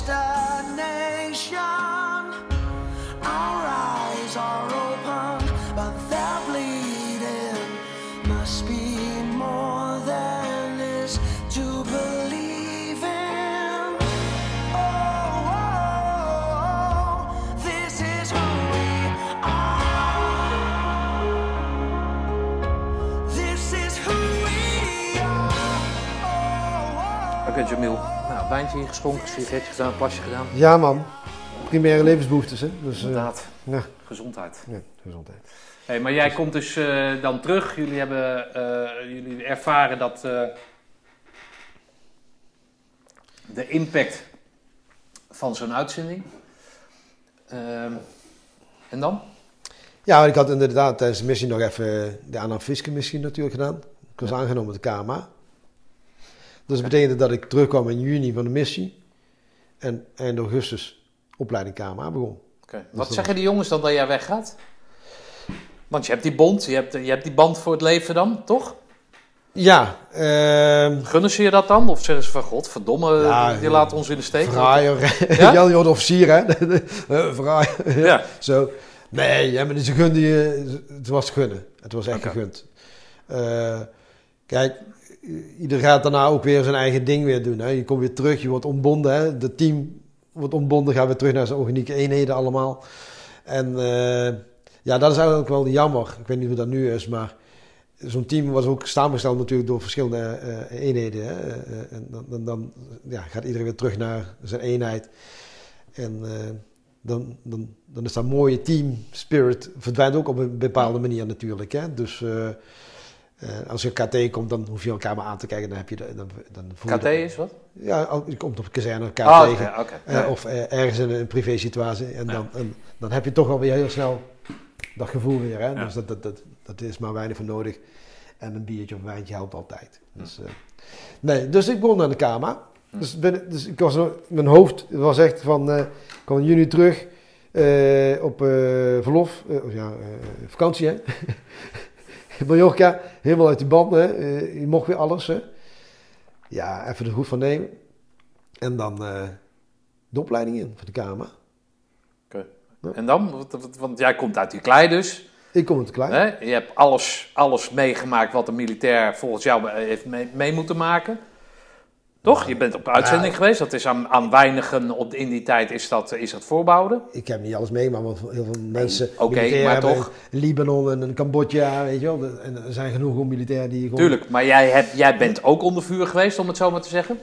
Nou, ik persoonlijk nooit zelf, hè, laat het zo zeggen. Maar we hebben natuurlijk wel eh, eh, dingen meegemaakt waar je dan zo zegt van... Goh, nou, dat was wel eh, spannend, Ja, laat oké. zo zeggen. Eh, Maar dan kom jij dus in die omgeving zoals jij me al eh, al hebt voorgespiegeld of je Ja. verteld hebt. Je, je bent met jongens die VWO hebben gedaan, Ja. een, een carrière in het militaire ambiëren. Jij hebt met je voet in de klei gestaan. Ja. Jij weet van de hoed en de rand. Ja. maar goed, je Nee, weet wat. zeker, en dan, zeker. Dat is hoe, dus- hoe, hoe, hoe val jij daar binnen die groep? Ja, dat is wel heel bijzonder, dat is heel divers. Kijk, er komen inderdaad een aantal mensen rechtstreeks uit de schoolbank. Wat heel mooi is om te zien, want ik was ondertussen, even denken, zes... Hoe oud was ik nu? 26? Ja, 26. Oké, mij. al een stuk ouder dus. Precies. En de jongsten waren natuurlijk net 18, 19 Ja. eh, toen ze kwamen binnenkwamen. Er zaten een paar ook wel eh, ervaren collega's tussen. Dus dat was mooi om te zien. Dus eh meerdere onderofficieren die eh, de officiersopleiding ingingen. Nou, dat is ook heel snel schakelen, bekende taal, weet je wel. Dus dat, is- dat is leuk. Maar ja, en is, en heel veel jonge mensen die binnenkwamen zeggen, mag ik jouw buddy zijn? Mag ik jouw buddy Omdat ze weten, hey, die, Ja. die kent het spel. Dus ik zit mooi in de straatje, kan je mooi op meeliften. Toen zei ik altijd, zou ik niet doen? Want dan leer je minder. Ja. Want als ik het je vertel, leer je minder. Ik ga je alles voorzeggen, maar dan leer je minder. Dus als dat is wat je wil, weet je, prima. Maar volgens mij doe je beter aan om met iemand anders een buddy te zijn. En dat je gewoon zelf gaat ervaren. Want dat is het beste eh, Ja. met de doen. Nou ja, dat snapten ze over het algemeen wel. Maar eh, kijk, en in de groep was het allemaal prima. Kon je ook eh, natuurlijk eh, goed mee. Het was wel zo dat natuurlijk een KMA echt anders is dan een KMS. Ja. Sowieso de, de niveau van de mensen qua opleidingen natuurlijk. De gesprekken die gevoerd worden. entourage waar je in zit. de, de inhoud van de opleiding is anders. Je hebt een ontgroening erbij. Je hebt instructeurs. Terwijl je zelf instructeur bent geweest. Ja. Hè? Hoe dan? Weet je? Ga jij mij dan vertellen hoe, die, hoe de wereld Wie ben jij dan? Wie, die- die ja, ja, ja, ja. Kijk, en, en dat had ik, daar had ik af en toe wel moeite mee. En dus ik moest me ook af en toe gewoon inhouden. Van ja, even, geen IWAP zijn, ik weet alles beter hè. Laten vooral ook eh, die man zijn werk doen. Eh, terwijl ik eigenlijk wist van, je weet bij god niet wat je aan het doen bent volgens mij. Ja. Eh, je vertelt over iets wat je zelf nog niet hebt ervaren, maar doet alsof je het allemaal weet en kent. En dat, ja, dat kon- moest ik echt even op mijn eh, lip bijten. Maar ik besefte natuurlijk dat dat zo, ja... gewoon, eh, moest Maar hoe was die, hoe- die corporale wereld, dat, dat, dat studenticozen, dat, dat wat ik wel eens gehoord heb, dat, dat, hoe, eh, Nou ja, heb je dat ervaren dan? Godverdomme jongens, het, het, het, het- gaat wel over hele andere dingen. Kijk, ik, ik, ik woonde samen en weet ik veel waarom niet. En eh, in één keer eh, kom je in een kamertje en, eh, eh, en je moest eh, op tijd naar bed. Eh, je moest voor 12 uur in je nestje liggen. Je, je moest schoolactiviteiten doen. Je moest eh, een bepaalde kledinglijn volgen. Ik denk, wat is dit? Ik was 26. Ik, Ja. wie gaat mij nou vertellen over dat soort dingen? Maar ik wist ook wel van, dit hoort bij het leven hier op zo'n KMA. Dus je kunt je er heel erg tegen verzetten. Of gewoon ook accepteren dat het zo is. En Ja. maak er iets moois van. Want dat heb ik optimaal gedaan. Hè? Dus constant in perspectief. Maak er absoluut iets moois van. Want alle zaken waren aanwezig om een heel mooi, eh, en leuk en eh, eh, ervaring op te doen. Dus, even los dan dat je je veel leert. Hè? Maar de sportaccommodaties, de faciliteiten, alles was aanwezig. En je zit midden in de stad. Hè? Hoe makkelijk is het om even buiten even zo de stad in te lopen en met je vrienden een biertje te pakken en weer terug te zijn. Ja, geweldig. Eh, dus deden ook wel veel in de binding van mensen. Dus dat vond ik fijn. Ik kon heel veel dingen leren. Dat vond ik ook wel fijn. Eh, en ik kon ook veel dingen voor heel veel anderen betekenen op dat moment. Omdat je die ervaring had. Eh, dus ook in de discussies over eh, wat is nou leiderschap en, hoe uitziet dat dan. En, er zijn mooie teksten in boeken. Maar wat is het dan als je dat ervaart? Als het even stressvol wordt. Of als je even- Werd je dan ook geconsulteerd in lessen? Van, Zeker. Jamil, Ja, tuurlijk. Er waren an- andere collega's ook hè, die ook al ervaring hadden. Precies hetzelfde. Kijk, en dat is mooi als je dat kunt delen. Ja. Want het beste is altijd delen. Want waarom zou ik dat dan maar voor me houden als, je, dat, als, als je daar een bijdrage kunt leveren? Maar ik heb altijd gezegd, het is mijn ervaring. Het is niet iemand anders zijn ervaring. Want ik weet dat andere mensen een andere ervaring Ja, hebben. goed, Dus- maar je hebt, er waren meerdere beroeps zeker, die, die, zeker, die. KMA deden. Dus Ja. er kwamen vanuit Ja, alle kanten kwamen er dus. Ja, Ja. En dan kon je ook echt inhoud geven aan, aan woorden die in papier staan. Ja. Hè? We hebben heel vaak over leiderschap een voorbeeld zijn, weet je, makkelijke teksten. Maar dat gaan we eens even doen, joh. Oké. Gaan we even doen. Dus een mooie tijd. Super tijd. Oké. Alhoewel, natuurlijk er ook wel minder dingen zijn, want er waren genoeg zijdenmeuzen. Jij was geen officier. Want? Jij gaat nooit officier worden. Nou, dat had te maken met mijn uiterlijk natuurlijk. Oké. Ja. Want jij was de enige kleurde daar? Ja, op dat moment. op De enige van de hele KMA. Hoeveel, hoeveel, ja. hoeveel studenten eh, beslaat dat dan? Een paar honderd of zo, ik weet het even niet. Maar Nee, 400 of zo? Of, zoiets, ja. Zo Ja. En Jij was de enige kleurling, om het zo maar te zeggen. Ja, ik was wel westers, maar eh, zag er anders uit. Oké. En heeft dat voordelen? Heeft dat Nou ja. nadelen gehad? Weet je, ik was, ik, ik was vol zelfvertrouwen. Ik, had- ik, eh, ik zag goed in mijn vel. Ik was fysiek ook oké, weet je. Gezonde state of mind. Ik kon het handelen. Ik zei, ik ga me niet door niemand eh, laten wegjagen. En degene die zegt, jongen, het is veel meer onkunde, onmacht, eh, onzekerheid van jezelf. Zo dacht ik over die andere persoon, weet je. En ik zeg, op een gegeven moment ga ik iets bereiken waar jij nog nooit aan toe gaat komen. Hm. Omdat jij zo denkt en zo bent zoals je bent. Een beetje hetzelfde als die discotheek Ja, waar je de geweigerd bent. Wacht maar, ik, Ja. koop die discotheek, flikker jou eruit. Ja, zo. Ja. Dus weer dat overlevingsding, dat, dat wordt dan meteen weer bij je aangewakkerd of Ja, zo? zeker. Kijk, je- Oké. je, je wilt je niet laten kennen. Kijk, sowieso hè, op zo'n KMA is natuurlijk ook even de boekieters allemaal bij elkaar. Hè? Ja. Dus dat spel wordt dan sowieso gespeeld. En dat is helemaal niet erg. Hè? Eh, maar als het op- echt op de man eh, gaat, hè, dan is dat eh, wel een dingetje. Hm. Want dat is ook ongezond als je verder brengt in de parate wereld. Namelijk. Maar dat, dat, is, dat, is het vanuit instructeurs naar jou toe bijvoorbeeld dan? Onder andere. Oké. Dat was, we krijgen dat mannetje er wel onder. Tuurlijk. Maar ja, voor hun eigenlijk kansloos dan, toch? Ik kan Nou me voorstellen als jij uit de schoolbanken naar die KMA was gegaan, ondanks jouw Ja, overlevingsdrift, dat dat anders... Maar stuk, nu, een stuk anders was geweest. ja, zeker. maar zeker. nu had je zoveel ervaring, toch? Nee, maar zeker. Maar ik denk, je kunt altijd mensen breken. Dat is niet zo moeilijk Nee, namelijk. dat is niet moeilijk. Opbouwen is een ander ding. Ja, Ja. Dus je kunt altijd mensen breken. oké. Daar is niet veel voor nodig. Nee. Maar jij brak niet. Nee, maar, maar Hebben ze je wel wat bijgebracht? Ja, wel zeker hoor. Ik- vind sowieso, eh, de hele KMA, of het nou 18 was geweest of 20 of 25, echt, het brengt je echt wel wat bij. En zeker als het gebied van leiderschap, ben ik zeer dankbaar voor die basis. Oké. Echt wel. En ik heb daar tot op de dag van vandaag heb ik daar profijt van. Ja. Echt. Ja. En, en niet zozeer om het beleiden van de leiderschap, maar zijn. Oké. Hey, dan, eh, dan krijg jij je bul. Ja. Hoe, Papa trots hè? dat, ja, dat, Ja. Wilde, dat wilde ik dus Ja, vragen. precies. Ik zag hem al aankomen. Ja, tuurlijk. Had je eerder moeten doen. Had daar erbij geluisterd! nee, Ja. maar zacht, zacht, zacht, ja, natuurlijk, hij had al, al vrede met, met jouw carrièrepad, maar was dat, was dat, Nee. dat hij brak of zo, weet ik veel wat? Nee, het moment Heeft hij dat wel eens naar je uitgesproken, wat er toen door heen ging? Het moment waarop hij echt brak was toen ik terugkwam van Bosnië. Ja, Dat moment dat ik hem zag eh, bij de vliegtuig trappen en eh, toen we in die hal kwamen. En hem emotioneel zag van dat moment, hè, zoon is teruggekeerd, heel huis, trots zijn van missie, weet je wel. Die trots, nou, dat, eh, dat was een veel mooi moment. ja. Kijk, die bul, zeker mooi moment. Ja, maar omdat hij natuurlijk Ja, hing aan dat, aan, dat, aan dat studeren, tuurlijk, weet je, dat ziet hij tuurlijk. dat zijn zoontje Zeker. het toch ges- zo ver geschopt heeft. Kijk, de hele buurt Met moet- zijn eigen mening. Zeker, en de hele buurt moeten weten natuurlijk.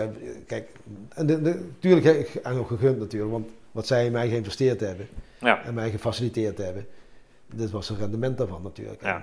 Dat is, dat is trots. Ja, maar dan moet hij toch, eh, als, als- hij komt toch niet door de poort heen zijn- t- t- vanwege zijn tooi van, van Ja, ja, ja, ja. Die pauwen. Ja. Die, eh, man, daar kan ik me alles bij voorstellen. Maar er lopen honderden pauwen op dat moment. Ja, nee, natuurlijk. Nee, natuurlijk, dat zal Ja. wel. Ja. Nee, nee, zeker, zeker. Dus eh, ik heb hem ook eh, toen die, die bul aan hem gegeven. Voor jou. Ah, mooi. Voor jou. Oké. Die heb ik hem ook aan hem gegeven. Ja, Dus, mooi. Ja, Ja, die oké. was echt voor hem. En hoe gaat het dan voor de rest? Hoe, hoe, hoe, hoe werkt dat dan? dan? Word je ergens geplaatst of zo? Of, of Nou ja. voor het uitkiezen? Kijk, of Kijk, begin schreven zo- mensen om je? Vechten ze om je? Nou, het grappige was natuurlijk, dat begin je aan je eerste functie. Hè? Eh, en bij de cavalerie was het inderdaad eh, dat je eh, bij de peloton als commandant werd of zo van een tankpeloton. maar ik wilde een verkenningspeloton hebben. Ja, maar dat was geen startfunctie. Hm. Na de KMA als officier. Maar ik kreeg wel de pelotons, ik werd wel pelotonscommandant van de verkenningspeloton. Hm. Dat was wel gaaf. Maar dat kwam natuurlijk omdat je natuurlijk al die ervaring had. Ja. En toch ook wel gepresteerd, ook al bij zo'n SMO, weet je wel. Waar je natuurlijk al, ja, door de kennis en ervaring die je hebt, stap je daar echt wel eh, wat makkelijker door. En zeker aan het tactisch, en, eh, tactisch optreden ook natuurlijk. Eh, dat je veel meer verstand hebt wat het tankoptreden en het verkennisoptreden behelst. Dat je daar veel sneller op kunt opteren en uiteindelijk ook eh Hm. verkennispunten Oké. van krijgt. Ja. Hoe lang doe je dat? Ik heb, even denken, ik ben van 99 van de KMA afgekomen. Heb ik dat tot 2000, eh, even kijken, 1, 2, want in 2001 ben ik weer op missie geweest. Naar? S, Bosnië S14, met mijn verkenningspeloton. En toen zijn we teruggekomen, dat was in 2001, ja, november 2001. Toen heb ik de KMA 2 gedaan. Want dat was, toen KMA was toen opgedeeld in drie jaar KMA, paraat, één jaar terug voor je eindstudie. En die hebben we toen in 2002 dan gedaan. En eh, toen eh, begonnen ze bij de Marché te vragen of ik geen interesse had bij de Marché te, te komen werken. Want? De Marché had vacatures. Eh, die, die weer, wierven horizontaal eh officier in vanuit de luchtmacht, landmacht en marine. En nou ja, dus zo. En toen dacht ik van, goh, lijkt me ook wel een challenge. En ik wist dat in die tijd natuurlijk de cavalerie en het optreden van cavalerie eh, in, eh, in missiegebieden anders zou gaan worden. Het was meer ur- urbaan, hè, in de urban eh, Ja. eh, omgeving, surroundings. eh, en dan zou het hele optreden anders worden. Eh, dus de, de, de voorbestaan van de, van de wapen zou ik toch anders worden. Dan denk ik van ja, dan kan ik wel blijven zitten met het, met het gevoel van ja, dan moet je totaal andere dingen gaan doen en dan eh, wordt het misschien een. En er is ook kans op een organisatie eh, totaal nieuwe dingen te gaan doen, een mooie ervaring en kijken of je leiderschap er ook bij past. Wat voor functie eh, bekleedde je toen op het laatst eh, voor de, voor de? Ja, wa- was ik dus eh, luitenant, eh, eerste luitenant was ik toen. eh, eh, en ik werd eh, kapitein toen ik eh, eh, bij de Kamar aantrad. Wat heb je daar gedaan? Eh, ik, werd, eh, ik moest natuurlijk eerst omgeschoold worden, want je kunt niet zomaar eh, bij Nee. Dus eh, je gaat een eh, zogenaamde blauwe opleiding in tot opsporingsambtenaar. Inclusief een officiersgedeelte erbij natuurlijk, dat noemen ze een omscholingscursus. Dus je krijgt alles met betrekking tot strafrecht, strafvordering. je wordt opgeleid tot hulpofficier van justitie. Sprak je dat aan, die, die materie? Of dacht je van, Ja, ik, ga- ik hoort vind alles, ik, ik vind al, ik- Ah, kijk, mijn hersens die moeten altijd geprikkeld worden. Ja, en boeven vangen en dat soort dingen, strafrecht, strafvordering. Nou, altijd leuk, weet je wel, gaaf. Eh, maar je blijft nog steeds militair. Dat was ook een mooie natuurlijk, die combinatie. En ik ging eh, voor stage om, eh, officier, om de opleiding officier van dienst, politie en HVJ werkzaamheden te verrichten. Hulpofficier van justitiewerkzaamheden. Ging ik anderhalf jaar in Amsterdam werken, bij de politie. Oké. Amsterdam Zuidoost. Ja, als je het hebt over politiewerk, waar het te doen is. Hm. Nou, als je Amsterdam Zuidoost een beetje kent. Oké. Dus jij ging vanuit de Marché, werd je daar gedetacheerd? Ja, Als zijn een soort stage, weet ik veel dat zat in de opleiding, hè. Dus je had Ja. de theoretische opleiding, praktijkopleiding, stages. Eh, nou, die stage die moest je dan doen als officier bij, eh, bij de politie in Amsterdam, was dat toen de relatie. Dus ik- wij zaten met vier studenten in de klas, vier officieren. Eh, twee van de luchtmacht, één van de marine en ik. En eh, nou, in die opleiding zijn we alle vier een stage gaan lopen in, eh, in Amsterdam. Ieder op een ander wijkbureau. En dan word je hulpofficier van justitie en leidinggever aan een politieteam. Eh, Oké. Ja, en, en, en, en zorg dat En hoe je- zie je er dan uit? Gewoon als Als politie? marché. Oh, als Marché. Marché, Oké. ja. Dus je valt ook daar weer volop, hè. Ja, oké. Hey, de Marché is weer terug in eh, Amsterdam, hè. De krakersrellen hebben ze nog over, hè. Dus heel veel mensen... Ja, ja. Marché is weer terug. Nee, eh, dus... nou, je doet alle politiewerk. Dus vanuit de basisdienst, of nou een noodhulp is... of eh supportersbeleiding van Ajax, recherchewerk, alles doen. Leuk. Plus, plus nog eens een keer dat je leiding geeft aan dat soort teams. En, Vind je dat eh, leuk? Vond je dat leuk? is gaaf. Was gaaf. Omdat er elke dag was het eh, hands-on gaan met, en rennen en eh, pakken en eh, snel werken, professioneel werken. En Maar je wist dat je terug zou gaan naar Defensie. ja, ja, Dus, dus dat erbij. was jouw zekerheid. Of, of, Ja, vond je dit ook leuk? Dit, deze opleiding hoorde in het teken van het werken bij Defensie, bij, Ja. bij de Marseille. Dus, eh, en, maar je werd natuurlijk wel heel erg mooi, eh, lekker gemaakt met zo'n wereld of politie. Ja. Eh, eh, nou ja, als die energie kon volhouden, dat is ook bij de Marseille. Nou, dat is dan mooi natuurlijk. Hè? Dus, en ik heb heel veel geleerd als het ging over leiding geven bij politie. En over hoe je incidenten afhandelt met partners, met brandweer, met geneeskundige diensten, met eh, eh, jeugdinstanties. Ja, oké. maar dat zou je nodig moeten hebben, ook in je marché-werk. Eh, ja, de basis sowieso. Hè. Eh, als je opsporingsambtenaar bent, moet je dat soort vaardigheden kennen. En zeker als je leidinggevende bent als hulpofficier in justitie, moet je dat ook eh, kunnen uitvoeren. En die certificering moet je doen door zoveel zaken te draaien. Dus je moet ook Ja. bij de tijd blijven en, en het- het test afleggen en examens afleggen om gecertificeerd te blijven. Ja. Anders mag je dat werk gewoon niet doen. Dus, en na die opleiding, dus die rond je af, dan ben je volwaardig opsporingsambtenaar plus hulpofficier van justitie. En kun je gaan leiding geven binnen het Marseille-apparaat. En dat ging je doen. Ja, ik werd eh, eerste functie van de horizontale instroom toen, hè, in die tijd. Dus nu ziet, die, ziet dat er echt heel anders uit. Want nu hebben ze een eigen opleiding volgens mij vanaf de KMA. Dat hadden ze toen in die tijd niet. Hè. Toen waren het horizontale instromers. Ehm, was mijn eerste functie hoofduitvoerende dienst in het district Zuid van de Kamar. En dat zat in Den Bosch. Dan ben je eigenlijk, de marechaussee bestond uit een aantal brigades in het land, die werkzaamheden uitvoeren, die binnen een district vallen. Het district gaat over die brigades. En er zijn een aantal werkzaamheden, eh, operaties die boven die brigades over- overstijgen. En daar ben jij dan verantwoordelijk voor, voor die overstijgende Hm. operaties. Kun je je voorstellen, een ME-inzet bijvoorbeeld, eh, optreden van een bijstandseenheid, eh, noem maar op, dat soort zaken. Daar ga je dan over.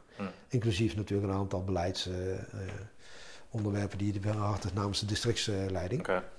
En eh, nou, dus dat was mijn eerste functie binnen de Marche. Maar je staat dan eh, wat dichter op de maatschappij dan, dan eh, in, bij Defensie. Jij bent Ja. wel onderdeel van Defensie, Zeker, maar... zeker, zeker. Je, je bent dan wat dichter bij de, de, de lokale maatschappij. Ja. Zeker. Maar nog steeds niet zo dicht als de politie natuurlijk. Je bent er, Nee, hè, maar dus toch. Ja, ja, je bent wel dichterbij. Je, zit in de, je staat aan de grenzen, je, zit, Ja. eh, in de, je rijdt door de stad, je rijdt door, ja, dus, dus je bent zichtbaar. Je handelt, treedt ook op in die, in die werelden. Dus ja. Alleen ik had natuurlijk in die tijd als hoofduitvoerende dienst meer een beleidsmatige aansturenrol overstijgend. Hè? Dus niet de straat. Hè? Eh, dus dat is een heel ander eh, setting waar je dan werkt. hè. dus, eh, Oké, maar even verklappen, je gaat naar de politie toe. ja, uiteindelijk. Maar Of sla ik dat dus, over? Dus ja, ik, de missie in Afghanistan die ertussen zat. eh, Oh, ben je ook nog in Afghanistan geweest? ja joh. Oh joh. Ja, ik eh, heb een missie gedraaid in, eh, even kijken, 2005. Oké. Ja. Eh, toen werd ik eh, voor, als brigadecommandant voor Afghanistan aangesteld in een missiegebied. Dan ben je verantwoordelijk voor alle marché-personeel binnen Afghanistan. Of ze nou de politiemissie doen of, of eh, de, de, eh, ja, wat, ik, wat wij dan noemen de, de, de politieband voor de, marches, voor de, voor de militairen. Ja. En als adviseur voor de contingentscommandant, de CONTCO. Dus ik was gestationeerd in hoofdkwartier in Kabul. Eh, en ook eh, zes maanden gezeten. Die tijd, Ja. ja. En hoe onderscheid je... Ja, natuurlijk, daar waar, in Bosnië was je onderofficier. Ja. Hier ben je dan officier. ja, de tweede missie in Bosnië was ik wel officier. Dat was een luitenant. eh, Oh ja, was een oh ja, luitenant. ja. ja, ja, ja. En nu was ik kapitein in, in Bosnië. En was brigadecommandant van de Marseille in die, in, die, in die hoedanigheid. En ook relatie tot het OM, hè, als er strafrechtelijke zaken waren. Ja, het is natuurlijk een hele andere wereld. Dat Ja. zijn twee verschillende werelden. Dus kan, je, kan het, Nee, je kan het niet vergelijken. Qua functie niet, maar ook qua, qua, qua, qua uitvoering niet. Dat, nee, dat is niet Nee. te vergelijken. nee en, eh, het enige verschil zou kunnen zijn, want je had toen een vrouw Ja, en kinderen. en kinderen. Hoeveel Ja. kinderen had je toen? Toen had de tweede, de oudste Jay, die we net zagen, was Ja. drie toen. Oké. En eh, Ravi, die heb jij niet gezien, Nee. die was toen net Werkt bij de Jumbo. vijf, vijf maanden. Dus toen ik ik terugkwam was hij net 10, 11 maanden. Oké. Dus jij gaat weg. Ja. Je zegt tegen vrouw, joh, moet je luisteren, ja, all, all vrijwillig opgegeven. Oh, dat had je hopelijk ook niet verteld. Oh. Ja, ook verteld. Ja. Ja. En dan, wat zegt zij dan? Hoort erbij, Ja, weet je. Ja, part of the deal. ik wist wie het was, dus eh, ik wist met wie ik eh, aan de haak stond. Dus eh, ja, let's go. Oké. Ja. Ja. Maar dan kom je terug en dan, dan, dan zijn die kinderen natuurlijk een half jaar ouder geworden. Ja, ja, weet je, dat was al een heel bizar moment. Er staat nog in mijn geheugen gegrift dat ik terugkwam in het vliegveld in Eindhoven. Normaal staat dat, de, de, de familie en vrienden, nee, al die aanverwanten, staan in de hal, hè. En wij komen dan via die eh sluis en dan moeten we nog even een paar eh, eh, gangen door voordat je daadwerkelijk in die hal uitkomt, hè. Maar als je een bepaalde gang hebt, kun je al zo naar die hal kijken, zeg maar. Wat hebben ze nou gedaan? Iemand van het thuisfrontcomité had de jongste van mij al meegenomen die gang in. En ik had dat niet verwacht natuurlijk, want ik was verwacht, die mensen staan allemaal in die hal. Dus de, en die was drie jaar. Jay, die we net zag, Ja. die, die lange slungel die we net kwam. Hè? Drie jaar. En ik kom dan met mijn berghouw zo op mijn nek en de, de spullen en de, die stof, die zit helemaal nog onder de stof van de verjaardag. Overal is dat stof natuurlijk. En ik loop zo, hé hey, papa hoor ik. Hé papa. Ik, en ik, ik kijk dus zo, hè. en ik kijk hem, staat zo, een dreumes, weet je wel. Ah. En zei hij, hé hey, papa. Ja, ja, dan denk ik, oh man. Dus ik, ik, maar dit, iedereen in die hal kijkt zo die gang en die ziet mij. Dus iedereen in de hele hal Begint te janken. weet je wel. en ik ga door mijn knieën en ik pak dat manneke natuurlijk. Ja, jongen, dat, dat, dat momenten en, en dan, dan, dan fluistert hij, hè. Ja, papa, ja, ik ben blij dat je terug bent. Ja, ik ook, zei hij. Zei hij, niet meer naar Anistan, hè. Niet, niet meer naar Anistan. nee, papa gaat niet meer naar Anistan. ja, hij heeft drie jaar, weet je wel. Ja, ja dat zijn momenten ja, goud waard, weet je. Ja, dat zijn wel de dingen die, die mij wel raken. Hè. Weet je, wel, je kan wel stoere militair zijn en eh, hele mooie dingen betekenen en doen en daar eh, gelukkig mee zijn. Maar dit zijn momenten die, eh, die zijn voor mij heel waardevol. En, nou ja, kijk, en dan loop je die gang in. En dan kom je dan bij je familie en de ontvangst weer. En dan zie je die andere drummers die, die ik achterliet al vijf maanden. En die je dan terug ziet al tien alle maanden. Weet je wel. Eh, Kan niet. Kan niet. Dat ben ik geweest. Ja, ja. eh, Hoe dan? Ja.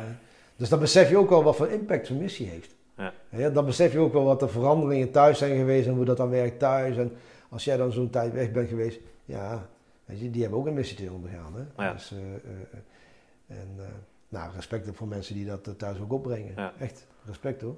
Want zonder dat kunnen wij ook ons Nee. werk gewoon niet doen. Maar pak je dat dan snel weer op? Dat, dat familiegevoel? eh, want ja, dan ben je Ja, ja, nee, kijk, eh, eh, zeker, want je voelt je verantwoordelijkheid. Hè, dus net zoals bij Defensie, je gewoon je werk doet. Je voelt je verantwoordelijkheid als ouder. Dus je moet hè, dus aandacht geven, zorg dat je er bent. En Je raakt weer heel snel gewend aan het familieleven. Maar net zoals toen, toen ik terugkwam van Bosnië, nog steeds zo alert. En zeker in Afghanistan was dat echt een ding. Hè? Heel veel aanslagen, heel veel booby traps, heel veel IED's, eh, raketinslagen, weet je wel. Dus dat was toen echt wel een eh, heftige periode eh, waar je ook weer qua verplaatsingen heel alert was. Dus ik reed als een idioot op de snelweg. Heen en weer, weet je wel, zonder dat iemand je kan inhalen. Hm. Zonder dat niemand iets tegen je aan kan plakken. of dat de raampjes open zitten en dat er iemand een eitje naar binnen kan gooien, weet je, zo. Ja, ik denk, ik ben niet goed bezig, man. Je Hm. moet echt afschakelen. Nou, de loop van de tijd eh, is dat ook weer dan afgeschakeld. Dan kun je weer een beetje, ja, gewoon genieten weer. eh, Ja. Gewoon normaal doen, weet je. Hoeft niet meer naar je wapen te zoeken. Nee, zit, zit niet meer op je zijbenen, zit, eh, zit geen eh, eh, en... eh, Maar dan heb je wel, zeg maar, nou ik weet niet of dat in jouw omgeving is, maar in, eh, eh, door al die uitzendingen zijn er natuurlijk wel steeds meer mensen komen erbij die hetzelfde hebben meegemaakt, of niet? Ja, kijk, dat is wel mooi om te zien. Kijk, in- toen, wij in de eerste, toen ik de eerste missie deed met, met IFO 1, waren nog maar weinig mensen van het beroepsleger echt uitgezonden geweest. Ja. Hè? Eh, en toen ik in 2005 ging naar Afghanistan, waren er wel heel veel mensen al op uitzending geweest. Ja. Hè? Dus dan heb je ook veel meer met elkaar te delen, te vertellen. eh, en herkenbaarheid en dingen. Ja. Dus dat was wel zo. Maar over het algemeen bij de MAUCC waren uitzendingen ook nog niet zo eh, voor iedereen. Hè? Het is wel een grotere organisatie misschien.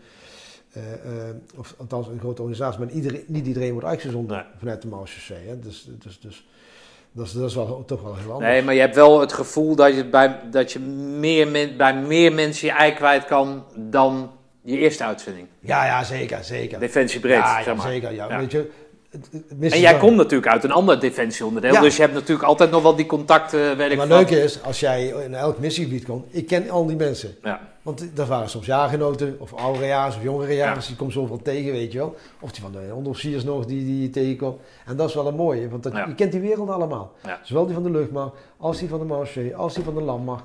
En dat is geweldig. Dan weet je ook heel snel zaken te doen. Of te informeren, of, hè, let op, of dingen voor elkaar te krijgen. Ja, top.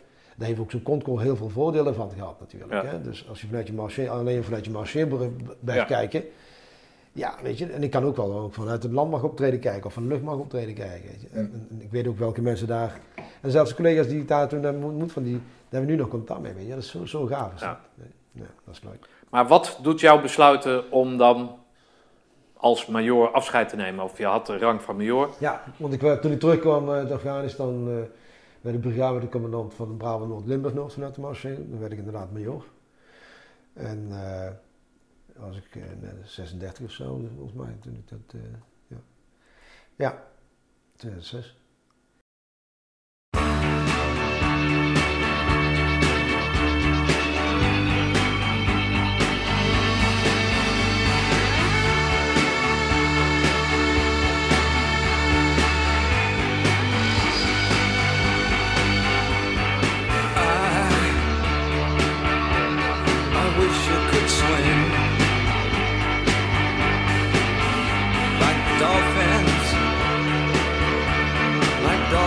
Though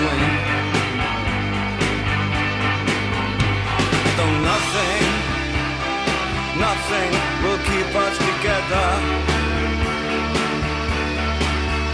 We can beat them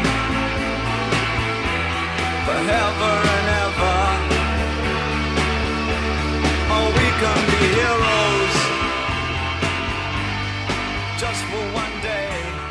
Ja, dan, dan word je baas van eh, een paar honderd man, eh, van de. Een eh, geweldige klus, mooie dingen gedaan. Wat heel veel ook zaken doen met burgemeesters, politiemensen, politiechefs, Duitse politie, Belgische politie. Ja, dan ga je steeds meer die politie, politionele kant op. Ja. En minder de defensiekant op van de luchtmacht, landmacht.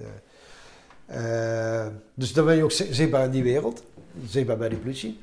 Dus ik kreeg op een gegeven moment een aanbod al een paar keer was dat al eerder gedaan of ik geen interesse had om naar de politie over te stappen.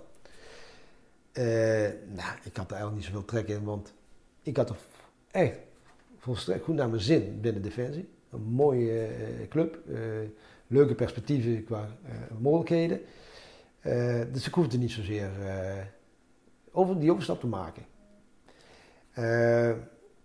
Tot op een gegeven moment een eh, van een korps in, in het zuiden van het land eh, mij vroeg van... Goh, wil je echt niet bij mij in het team komen? Ik wil een districtchef hebben. eh, en ik vind het fijn als jij daarbij zou komen bij het team. Ik denk dat het echt wel eh, mooi aansluit en een mooie andere inkijk kan geven bij, de, bij ons team. Ja, ik hou wel van een uitdaging, hè? dus voel je ook vereerd natuurlijk. Ja. Hè? Je, je, je, ego wordt gestreeld, nou top. Maar ja, onbekend allemaal natuurlijk. Hè? De politiewereld is echt anders. En ik had zo goed naar mijn zin. Ik bedoel, ik hoefde niet weg. Maar ja, eh, mijn, eh, mijn vrouw, mijn ex, eh, die zei toen van ja, maar dan hoef je niet meer op uitzending, je thuis, een beetje meer lokaal, dus eh, veel meer eh, thuis eh, op orde. Nou, nou die, die, die combinatie van nieuwe challenge, nieuwe uitdaging, kijken of je leiderschap ook daar eh, eh, eh, eh, kunt laten functioneren en of je daar plezier aan kan hebben en eh, eh, zingevend eh, kunt blijven voor anderen. Nou ja, plus het feit dat dat sociaal leven daar ook wat eh profijt van had. Eh, en mijn gezin. Nou, daar hebben we toen overwogen om toch te doen. Ja, hebben we toen besloten om het te doen. Maar is dat dan eh, iets geweest van ik heb veel genomen, zeg maar? Genomen van doen waar ik zelf zin in heb, wat ik leuk vind, wat ik mooi vind, of het nou voor volk of vaderland is, maar in ieder geval mijn eigen ambities eh, Ja, zeker. nastreven en dan nu kiezen voor, voor iets wat meer past bij een gezin. Is dat dat geweest? Ja, nee, maar kijk, wat ik toen straks ook zei, hè, toen die jongste van mij zei, toen ik eh, onderaan die vliegtuigtrap die, die sluis doorkwam en eh, stond die en zei niet meer in Afghanistan. Ja, die, die zei, dan hebben we natuurlijk al een paar keer aan het denken. Dat fragment kom je toch tien keer voorbij eh, Ja. in, je, in, je, in je periode daarna. En dan ga je afvragen, even van alle rationaliteiten, van hoe gaat het dan met zo'n kind? Hè? Hoe ervaart hij dan als jij dan steeds weg bent? En dat besef gaat je steeds meer ook eh, pakken, zeg maar. Eh, en dan denk je, van, hoe vaak ben ik nou thuis? Hoeveel tijd besteed ik dan aan mijn kinderen? En hoe zit je dan erbij? Ben je dan afgepeigerd of zit je dan fris nog Ja. een leuk gesprek te voeren? Of ben je dan echt een, een kribbige papa omdat je al de hele dag al erop zit en nog even snel wat eten naar binnen wil werken en je kind nog moet een knuffel moet geven? Dus ja, weet je, dat soort aspecten gaan echt wel eh, meespelen. Naast het feit dat je dan nog eventueel missies nog zou gaan draaien, wat weer een bepaalde periode van je leven. Wat ik nog steeds heel graag zou doen. Hè. Dus Ik zeg ook al eens met dat zij de deur uit zijn. Hè. Eh, ja, joh, ik je, je ziet me zo weer in het buitenland. Ik vind dat zo gaaf. Met zoveel verschillende mensen werken, met zoveel verschillende landen, culturen, met zoveel challenges. Ja, laat mij maar gaan. Laat mij maar schuiven. Ja. Weet je? Maar goed, jij kiest voor je gezin en dat heb je in ons langdurig voorgesprek heb je dat. eh, nou, ik, ik, ik, vind dat, ik, vind dat, ik vind dat mooi. Ik vind het mooi. Je komt ook uit zo'n nest natuurlijk. Hè? Want je ouders hebben natuurlijk dat ook gedaan. Ja. Hè? Die hebben dat ook gedaan. Die hebben ook voor jou gekozen. Die hebben ook voor je zus gekozen. Niet besproken. Maar, hè? Dus die hebben ook een, een opoffering gedaan. Zij zullen dat niet als een opoffering gezien Zeker niet. Maar zo zie jij dat natuurlijk ook niet. Maar je hebt, je hebt wel ingeboet op je ambities. En dat, dat, dat blijkt wel als je nu zegt... Ja, als je mij nu stuurt, dan eh, ga ik erboven. En, eh, Nee, tuurlijk. Kijk, Kijk, sommigen vinden het natuurlijk gekke werk dat je dat zou doen. Hè? Maar wat ga je nou in al die landen doen? En zeg, nou ja, weet je, het heeft me veel gebracht. Het heeft me veel rijkdom gegeven. Eh, In ervaring, maar ook ontmoeten met mensen. Ik zeg ook al, heel veel mensen hebben echt wel een betekenis gehad voor mijn leven. Weet je, en die Ja. dingen, hoe, hoe, ik dingen hoe, hoe, hoe ik denk en hoe ik in het Ja. leven sta. En dat heb ik niet eh, gekregen door stil te blijven zitten in een hokje en eh, op drie hoog links achterin. Ja. Eh, waarbij heel veel mensen daar heel veel plezier aan beleven en comfort uithalen, heb ik dat totaal niet. En ik, ik weet dat door ik nu veel meer dingen begrijp van het leven van de maatschappij, omdat ik die ervaringen heb mogen Ja. hebben. En daardoor dingen ook anders kan duiden of de context beter kan begrijpen of problematiek kan eh, eh, begrijpen. En dan zie ik daar heel veel waarde in. Ja. Eh, even los van dat je ook nog wat betekent voor die mensen in het gebied zelf en, en het team waar je, waar je op pad bent. Hè. Dus, Ja. absoluut. Dus nee, geen haar in mijn hoofd als ik de kans zou krijgen dat ik daar over- zou over twijfelen. Zolang mijn gezondheid het, het toelaat natuurlijk. Ja. Oké. Hey, die eh, ervaringen uit jouw diensttijd, die komen jou goed van pas ja. binnen je huidige werk. Kan je, kan je vertellen wat, in een vogelvlucht wat je, wat je bij de politie eh, gedaan hebt, wat je doet, eh, wat je ambities zijn? Ja, ik werk nu al weer toch wel tien jaar nu bij de, bij de politie. Ik heb een aantal dingen mogen doen. Ik ben ja, districtchef geweest in verschillende gebieden. Ik heb voor de politieacademie onderwijs gemaakt, voor de leidinggevende. En dan moet je je voorstellen dat je gewoon onderwijs maakt. Hoe- Weet je? Hoe dan? Hoe dan? Hè? Maar dat is, ligt een geaccrediteerde HBO-opleiding. ja. Hm. Hoe dan? Ja, ja, ja, ja, ja, ja. ja. Eh, heel leuk, samen met, met een mooi team van de academie. Eh, en daar mag je invulling aan geven. Met name omdat je die achtergrond van de Kamer hebt voor leiderschap. Wat betekent dat nou? Dus niet theoretisch beleven, praktiseren, vormend eh, beleven in de praktijk. En dan weet je pas, hé, hey, wat het is om dat te zijn. Want je zegt heel makkelijk, ja, ik ben een uh, dealer-leidinggevende, ik ben een faciliteer-leidinggevende, ik ben eh, whatever. eh, al een beetje een naampje. Maar ga maar eens beleven, ga maar eens doen. En ook als het moeilijk wordt, zie je dan zelf. eh, dat soort aspecten helpen natuurlijk in, alle opzichten, ook binnen deze, binnen deze wereld. Dus ook in de, in de dingen die ik bij de politie heb gedaan, of nou hoofdofficier van dienst was van operations, landelijke aansturing van eh, entiteiten bij grote calamiteiten. Moet je je voorstellen. Ja, je schuift met panelen door het hele land. Het gaat over terrorisme, het gaat over grootschalige inzetten bij evenementen, het gaat over demonstraties, het gaat over ja, grote ongevallen, eh, rampenscenario's. Je wilt niet weten hoe divers die... En probeer daar maar eens Ja. sturing, overzicht te blijven houden met allemaal kikkers in de kruiwagen die alle kanten op willen. Burgemeesters die iets willen, eh, het openbaar ministerie die iets wilt, het ministerie die iets wilt. Ja, hoe sta jij daarin? Kun je dat handelen? Kun je niet handelen? Hoe fit ben je? Dus al dat soort aspecten komen daar ook weer aan terug. Ja. En je vraagt iets van mensen. En jij moet uitstralen. We gaan het fixen. Ja. We gaan het doen. Linksom of rechtsom. We gaan het maken. Wat heb je nodig? Dus dat leiderschapsthema komt constant terug in, in je leven. En die basis die je hebt gelegd in, in, in KMS, KMA, zijn er mooie, Ja. mooie aspecten van geweest. Die mij dat Jij bent nu commissaris? Ja, toen ik eh, die overstap maakte van eh major vanuit Defensie naar politie, we- werd ik commissaris. Ja. Oké. Ja. Wat, wat, hoe, hoe staat dat in de hiërarchie? Wat is het commissaris? Ja, je kunt er niet één op één vergelijken, maar zitten nu op, ik zeg, zit je op kolonelsniveau. Ja. Oké. Ja. Wat, hoe ziet jouw carrière er verder uit dan? En hierboven is nog hoofdcommissaris, is klaar. Eh, ik bedoel, dat is de volgende stap. Qua carrièreperspectief dan. Maar mij gaat het veel meer om het werk wat ik eh, wil gaan doen. En dat kan soms in de breedte zijn, dat kan soms eh, in de verticale eh, lijn zijn. Maar het gaat om een leuke... Want dat vind ik wel het mooie van een politiebedrijf. Dat aspect dat je heel veel dingen kunt doen. Heel veel verschillende dingen kunt doen. Je moet ook veel doen als politie zijn, hè? Ja, daarom. Toch? En, daarom. En, dus, dus het zit hem. Veel mensen herkennen de politie natuurlijk vanuit de straat en vanuit de recherche. Maar we zitten ook op de digitale wereld. We zitten in de cyber. eh, We zitten in een opvallende wereld. We zitten in het buitenland. We zitten. Weet je, dit is.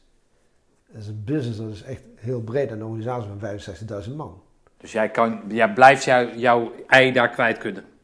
Ja, qua werk en eh, de betekenis die je kunt geven aan dat werk en voor de maatschappij is dat echt wel. Ja, daar kom je nooit eh, klaar mee. Kom je niet klaar mee.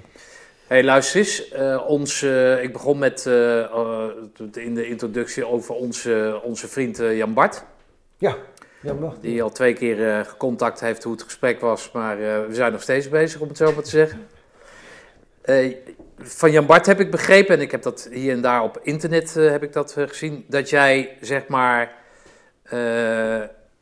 bezig bent al een tijd om, om eh, jouw, jouw geboorteland, jouw moederland, of hoe je het ook wil noemen, Mhm, mhm. om daar wat aan terug te geven. Ja. Is het, noem, zie jij dat als teruggeven of wat, wat, wat beda- bedanken of hoe, hoe, hoe zie je dat? Nou ja, kijk, weet je, eh, ik ben heel dankbaar voor de wijze waarop ik ben opgevoed door mijn ouders. Eh, de dingen die ze mij hebben gegeven, de liefde, maar ook de faciliteit om te kunnen studeren, om te sporten, om, hè, om de wereld te ontdekken. Eh, en daardoor ik de kans heb kunnen grijpen waar ik nu sta en, en een leven hebben waar ik nu lei, eh, wat ik nu lei. En, eh, maar dat is ergens begonnen. Dus het, hele bijzondere was dat ik toen ik een opleiding deed aan de NSOB, dat is een MPA-studie, Master of Public Administration, dat ik daar vanuit die studie een buitenlandstage moest doen. Nou, ik kreeg twee maanden buitenlandstage. Nou, ik moest maar raden welk land ik eh, in, mijn, in de picture had. Dus ik koos om inderdaad naar eh, India te gaan om daar onderzoek te doen bij de politie in, in India. En ik kreeg de kans om een aantal steden aan te doen, inclusief de stad waar ik geboren was. Hm. En toen kwam ik in contact met eh, eh, een politiechef daar. Die ging over de stad eh, Mumbai. Nou, even ter herinnering, even aangeven hoeveel miljoen inwoners dat heeft. Dat heeft nu zo'n 23 miljoen Ja, dus, geregistreerde dus, inwoners. dus niet zomaar een veldwachter of zo, maar dat is... 23 miljoen Ja, oké. inwoners. Ja. Geregistreerd. Ja, We hebben we nog niet over wat allemaal en daar dan de politiechef van. Ja. Ja. En, eh, en het grappige was, die, dus, dus wij gingen met elkaar. Hij was zeer geïnteresseerd in, eh, eh, en dat vond ik wel mooi, in, in de westerse.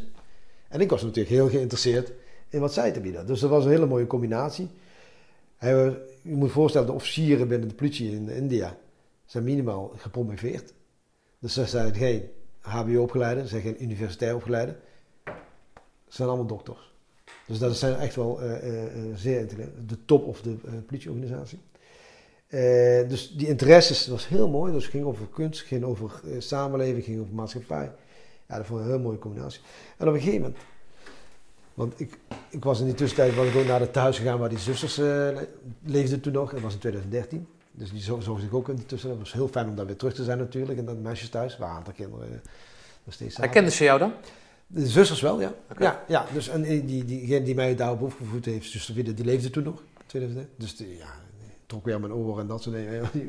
Maar was jij aangekondigd of kwam je daar... Nee, nee, ik had aangekondigd dat het oké. zou komen. Ah, oké. Want eh nou, dat zou een hartverzakking krijgen, denk ik. Maar dan, dan was ze toen al overleden, dat wilde ik niet. Nee, dus, dus, dus dat was aangekondigd. Maar het was zo mooi om weer terug te zijn. Ja. En weer die paradijs, dat paradijs, dat gevoel weer. Kwam jij in politiepak? Nee, nee, ik was gewoon Oh, een burger. Maar ik had, ik had politiepak wel bij. Want ik bleef ook slapen in dat thuis. Oh, oké. Moet je je voorstellen. Dus ik kleed, me, oké. ik kleed- kleed me om als ik naar de politie ging. Ja. Dus ze zagen me al een politie. Dus ik werd ook, eh, eh, eh, daar zagen ze iemand in een uniform lopen. En, eh, maar ze zeiden ook van dat ik dus vo- daar voorheen in een ander thuis had gezeten. En ik kon nooit weten waar, waar dat was geweest. Ik wist dat het er was, hè. Maar ik zei laatst het plaatsje Donkering, maar dat hoorde dus van hun toen op dat moment, 2013. En ik was er nooit terug geweest. Eh, ja, en toen eh, zei ik tegen de politiechef, joh, weet je, ken jij plaatsje Donkering? Want ik hoorde van die zusters dat hij daar vandaan. Donkering, ja, zegt hij, ligt in mijn district. Oh. Hij een telefoontje plegen. Wij gaan rijden. Hele stoet, karavaan, naar dat plaatsje toe. En je wilt niet weten, Donkering is een grote wijk. Met verschillende eh, eh, groeperingen, moslims, eh hindoestanen, eh, eh, joden, allemaal bij elkaar, christenen. En het is ook een redelijk arm gebied. En we gingen naar een politiestation daar, want hij belde met het politiestation, hey, kom eraan, er staat daar iedereen. Het is ook heel erg op het Engelse eh, stoel gebaseerd natuurlijk, allemaal heel hiërarchisch en eh, formeel. Staat er heel eh politiebureau staat in de houding en dan kom je eraan en zeg je, wow, oké, weet je. Maar wat gebeurt er dan? Er wordt een podium op, opgebouwd, op een kruispunt daar. En dan moet ik op de plaatsnemen achter de stoel op die tafel op het podium. Dan gaat hij naast me zitten. En dan komt de, de vertegenwoordiger van de Hindustaanse gemeenschap. komt de vertegenwoordiger van de moslimgemeenschap. komt de vertegenwoordiger. Waarom? Want de verloren zoon is teruggekomen. Oké. Dongri. Ja, ja, dan weet je echt niet wat je meemaakt. ik denk, wat heb ik gezegd? dus, maar wat gebeurt er? Er komt een tv-ploeg, er komt een cameraploeg, er komen nieuwsreporters. Die beginnen allerlei vragen te stellen. Ja, je wilt niet weten wat... Alles wordt uit de kast gehaald. En wat gebeurt er dan? Dan gaan we als stoet richting dat gevangenis, want dat was een oude Engelse gevangenis. En dan kom ik, en dan, ik, ja, ik kan het meteen hè. Ja, want jij weet dat toch te Ik weet herinneren. hoe er zit. Ja. En ik weet waar ik gezeten heb. En het ziet er nog steeds hetzelfde uit. Ongelooflijk. 2013 was dit dat, toen ik dat. Dus Met ook nog bewonertjes. het zit er vol van die jongens. Oh, nog jezus. Oké. En er is geen, niks in geïnvesteerd, hè? Dus het is nog steeds precies hetzelfde. Ja, dan gaat er wel iets door je heen. Dat je na Ja. zoveel jaar terugkomt. En je komt op, in die context. eh, kom je terug als politiecommissaris. eh, eh, op de plek waar je als drie, vierjarig jongetje homeless Ja. dus vanuit de sloppenwijken terug bent. Dezelfde stap voor te zetten. Ja, dat is. Ja, dat... Dat is Ja. Maar daar ben jij dus een rolmodel geworden voor de jongens, of niet? Wat gebeurt er dan? Ja. Dus er zitten nog honderden jongens en meisjes daar. Die worden bij elkaar verzameld naar een plein in een, een hal. Er staat een tafel, dan moet ik achterin zijn met een microfoon. En ik ga ze aanspreken. Ik word verwacht dat ik eh, hun een verhaal ga vertellen. Nou, en wat heb je verteld? ja, dat ik daar heb gezeten, dat precies was zoals een van hun. Dat ik precies hier heb gezeten, dat ik nu helemaal aan de andere kant van de wereld zit. Met totaal andere mensen. Maar dat ik hier vandaan kom. Dat dit mijn huis is. Hm. Dat hier mijn broertjes en zusjes En wat, wat zie je dan bij de jongens? Ja, eh, je weet niet wat ze meemaken natuurlijk. En ik krijg vragen. En, eh, maar heel bizar. Indrukwekkend, of niet? Ja, ja, weet je. En, en- en- het, het is ook wel een trieste constateren dat het nog is zoals het is. Hè? Tuurlijk, ja. Eh, en dat mijn verhaal mijn verhaal is. Een heel uniek verhaal is. Hè? Ja. Die kansen die ik heb gehad en die, die paden die zich zo hebben...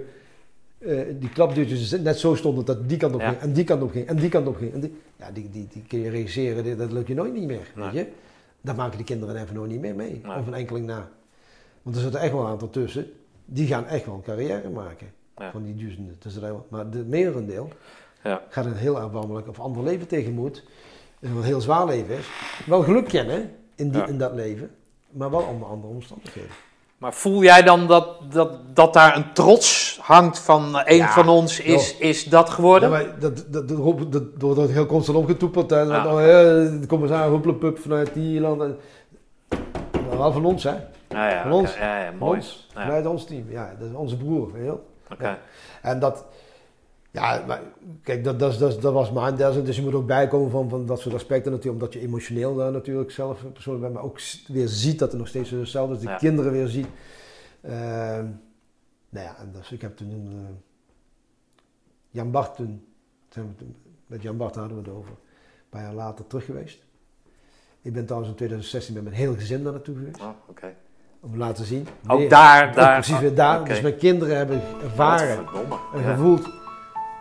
Waar ik vandaan kwam. Dat was ook voor hun heel emotioneel. En, eh, maar eh, Snappen ze dat? als- Kunnen ze dat, kunnen ze dat zien? Kunnen ze, of hoe noem je dat? ja, kijk, ik, ik heb bewust gewacht dat de jongste minimaal acht was. Ja, oké. Eh, om bewust nog mee te maken. En die anderen waren ouder, dus dat blijft wel hangen.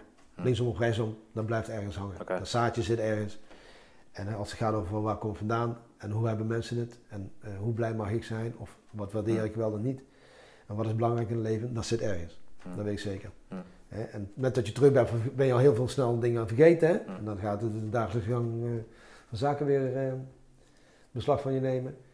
Maar er zit ergens iets van, hey, het is niet overal hetzelfde, het is niet vanzelfsprekend. En, Maar als ik jullie zo, hè, hoe heet dat, de, de, de, de derde die was aan het werken bij de Jumbo, maar als jullie dan zo, je had al geschetst hoe het hier dan in het mannenhuishouden gaat, maar als jullie zo met z'n allen niet naar jou toe ook maar onderling elkaar afscheid zien nemen, nog net niet van de KVP's en afscheid nemen, maar gewoon dat huggen en, en dat, die, die tedere kus op jouw voorhoofd. Ja.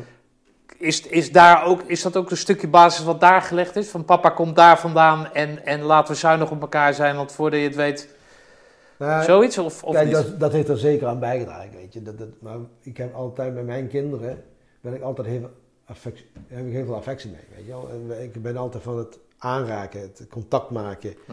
het omhelzen, eh, eh, het, eh, die affectie tonen, die liefde, daarmee het liefde tonen, vond ik heel belangrijk. Want dat is natuurlijk iets wat ik Niet heb gekend. niet heb gekend. Ja, maar dan, Althans, dan is het juist zo mooi dat het hier dus Ja. wel gebeurt. Ja, en ik ben me vol bewust van dat dat zo belangrijk is voor Ja. kinderen.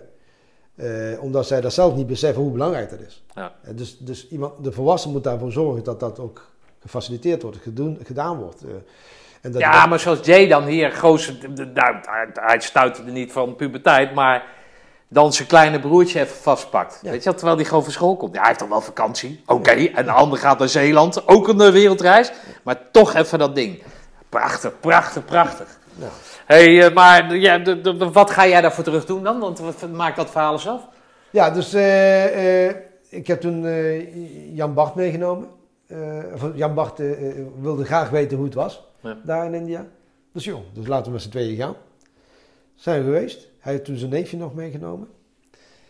Ja, hij was gelijk onder de indruk natuurlijk eh, van wat er gebeurde. Ook weer hoe wij ontvangen werden door die politie. Hè, de politiecollega weer die stoet hup, weer richting die, die, die doen. Je wilt niet weten, je- het is constant avontuur. Weet je, je weet niet wat je elke dag maak je avonturen daarmee. En, eh, en, dus, en ja, dan komen we er bij dat thuis en inderdaad, dat, dat hakt er wel in. Als je dat niet gewend bent. Die armoede, die, eh, eh, het is eh, ook eh, die uitzichtloosheid. Ja. Hè? Dus, dus linksom of rechtsom, er zit geen enkele hoop in voor die kinderen. Links, of, die- of je nou één maand zit, twee maanden zit, tien maanden zit, maakt niet uit. Er zit geen uitzicht in. Dus toen hebben we toen gezegd van oké, kunnen we niet iets eh, gaan eh, betekenen voor deze kinderen, voor de omgeving. Eh, dat ze in ieder geval wat omstandigheden veraangenamen. Hè? Kijk, als je er moet zitten, dan mag je ook misschien in een andere hoedanigheid daar zitten. Dat zegt nu niks over wat de uitkomst is van van je leven, maar kunnen we gaan kijken in ieder geval dat we medische voorzieningen gaan creëren. Dat ze in ieder geval gezondheid hebben. Dat ze dus daardoor beter kunnen presteren, dat ze beter school kunnen volgen. Als je ziek bent, dan kun je dat gewoon niet. Eh, kunnen wij nou eh, zorgen dat we iets doen aan hygiëne en dat soort zaken. Nou, dus we, we zijn toen begonnen met een project. Ja, dan gaat Jan Bart natuurlijk op zijn Jan Bars eh, mij natuurlijk daar centraal in zetten. Hè. Dat, nou, je, je kent mij, ik heb dat liever niet. Hè. Dus hij noemt het gelijk project Jamil's Home. Hè. Ja, ja, eh, dat hoeft helemaal niet. Hè. Dat, dat kan gewoon een andere naam hebben. Donkery's Home, weet ik veel wat. En we zijn begonnen met een fundraise. Met eh, geld eh, verzamelen. En mijn vader heeft een stichting waar wij, eh, eh, die eh, ook eh, zeg maar eh, een goede doel steunt in kinderen in India, waarbij onderwijs eh, eh, wordt verzorgd. Dan kunnen mensen eh, één op één een kind sponsoren tot een 18e, tot ze klaar is met studeren. Voor 7 euro per maand. Nou, wij sponsoren nu meer dan 200 kinderen Hm. die onderwijs kunnen volgen vanuit die stichting. Eh, maar die, en ze dragen bij aan projecten zoals eh, in Donkeri bijvoorbeeld. En eh, we hebben een aantal andere sponsors gevonden, een man of tien, even uit mijn hoofd, die elk duizend euro hebben ingelegd. Nou, dan kun je Maar dat doen jullie op een speciale manier, want dat, dat- Ja. daar, daar wil ik een beetje naartoe. Ja, Jij en Jan Jan Bart, Bart. Die inviteren mensen, ja, die betalen zelf hun ticket betalen zelf een ticket, en betalen 1000 euro sponsorgeld sponsorgeld. voor het project. Ja. Dat we dan live gaan bekijken daar te plaatsen. Dus Ja. we nemen ze mee naar India. En dan krijgen ze die ervaring die wij hebben, krijgen ze letterlijk aan de lijve. En dan kunnen ze zien waar, eh, waar het te doen is. En dan zien ze gelijk van, ja, wauw, weet je. Ja. Ja, weet je. Dus je, je kweekt daar ambassadeurs voor, voor, voor het goede doel. Je commit ze aan de projecten. Hè? Dat is, dus meestal als mensen sponsoren en dan weten we god niet waar het geld naartoe gaat. Ja. Maar live voelen, proeven, ruiken waar het naartoe gaat. Ja, dat, dat is echt goud. En dat zien die mensen ook. Die zijn ook blij dat ze dat hebben mogen ervaren. Sterker nog, ik wil er best nog wel meer betekenen dan alleen Ja. die duizend euro. En daar was het natuurlijk ook een beetje om te doen. Dat Ja. je een beetje continuïteit krijgt. Maar dan weet jij je verzekerd van elke keer weer die politiechef in die eh, kolonne of moeten jullie het nou zelf doen? Nee, maar kijk, weet je, wij hebben lang onze eigen entrees daar. Hè? Maar die politie vindt het heel fijn om steeds te Ja, oké, dus hè. dat hoort, dat hoort bij het eh, uitje. Ja, dat is toch geweldig? Sterker nog, ik heb zelfs de, de, de consul meegenomen. Hè, onze Nederlandse consul Ja. die in Mumbai zit, die hebben gewoon gebeld. Yo, ik ben die en die. heb je interesse om bij mij een keer naar... Die is er mee geweest, weet je wel. Oké. Ook gelijk, eh, want daar zitten natuurlijk heel veel experts die ook aan de goede doelen doen. Dus Ja. die proberen we ook in die, in die kring te krijgen.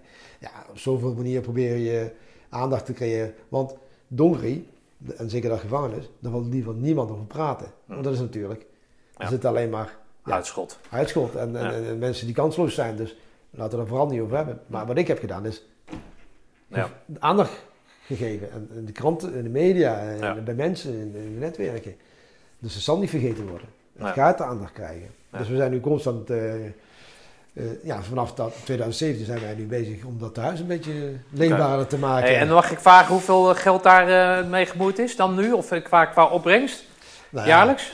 De eerste opbrengst waren rond de 15.000.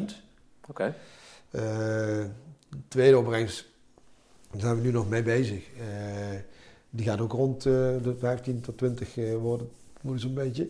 Want de Rotary Achterhoek Oost heeft daar ook aan bijgedragen. Die hebben een eh, avond georganiseerd met Indiaas eten en, eh, en een, eh, hoe heet het? een escape room experience. Oké. En met dat geld wat daar is opgebracht gaat dat ook naar dat doel. Ja, en daarnaast ben ik nog bezig met een aantal andere sponsoren. En ik probeer natuurlijk ook bedrijven daarvoor ja, te krijgen. Om, Dus laat je dat zeg maar helemaal toespitsen op dat onderwijs, dan kan je zeggen 15.000 euro gedeeld door 7 euro per maand. Zoveel mensen kan je dan bijvoorbeeld van, maar daar komt natuurlijk nog nou ja, eten bij en dat soort zaken. En dat is er een en al gericht op die gevangenis. Nou ja, er zijn twee verschillende dingen. Die stichting van mijn pa, die gaat over onderwijs, Onderwijs? en kinderen. Oh ja. En die zit aan andere gebieden. Er zitten Ah, oké. Igapuri, Barapur en... eh, eh, nou, die andere naam kom ik dan even niet op. Maar ze zitten in het noorden en oosten van het land. Eh, daar doen we dat, die projecten. En in Mumbai, dat het project in Mumbai, dat doen wij dan met een aantal extra sponsoren en, eh, waar ik het net over had. Oké. Wat is jullie ambitie daarin? Nou ja, we hebben nu, het eerste project is nu af. Dat was het verbouwen van de keuken en de eetzaal, fatsoenlijke eetzaal. Want je moet je voorstellen, alles werd in een hoek, eh, onhygiënisch, ieder bij elkaar, alles over de grond, de bezen liep wel rond de regel. Dat is nu helemaal op en top. Oké. Het ziet er perfect uit. Heel erg hygiënisch. Er kan fatsoenlijk gekookt worden. Bijvoorbeeld voor honderden mensen koken. Dat is ook wel een aardig eh, dingetje in de graden van eh, 40 plus. eh. Hm. Dus dat is prima allemaal opgeleverd. Eetzaal is netjes, hygiënisch. Nou, dat project is mooi afgerond. Dus dat is heel goed om te zien dat dat ook ja, gewoon tastbaar is opgeleverd, weet je wel. Dat mooi. Nou, dus nu kunnen we naar het tweede project beginnen. En vermoedelijk zal dat een, eh, een medische ruimte worden. Moet je voorstellen, een aantal honderden kinderen die, als er eentje ziek van wordt, er staan twee ziekbedden ergens in het begin van Ja. een hokje. En er staat er één medicijnkast voor honderden kinderen. Ja. Ja, als er vier, vijf ziek zijn, liggen ze in twee bedden. Ja. Dus op elkaar, eh, tegen elkaar. Ja, ja, Ja. Dus, dus wel, en, en Eén grote brandhaard natuurlijk. Want ja, stikt- zeker nu, hè, in deze Ja. periode, ik wil niet weten. Maar er is ook nog een vrouwenafdeling, hè, een meisjesafdeling.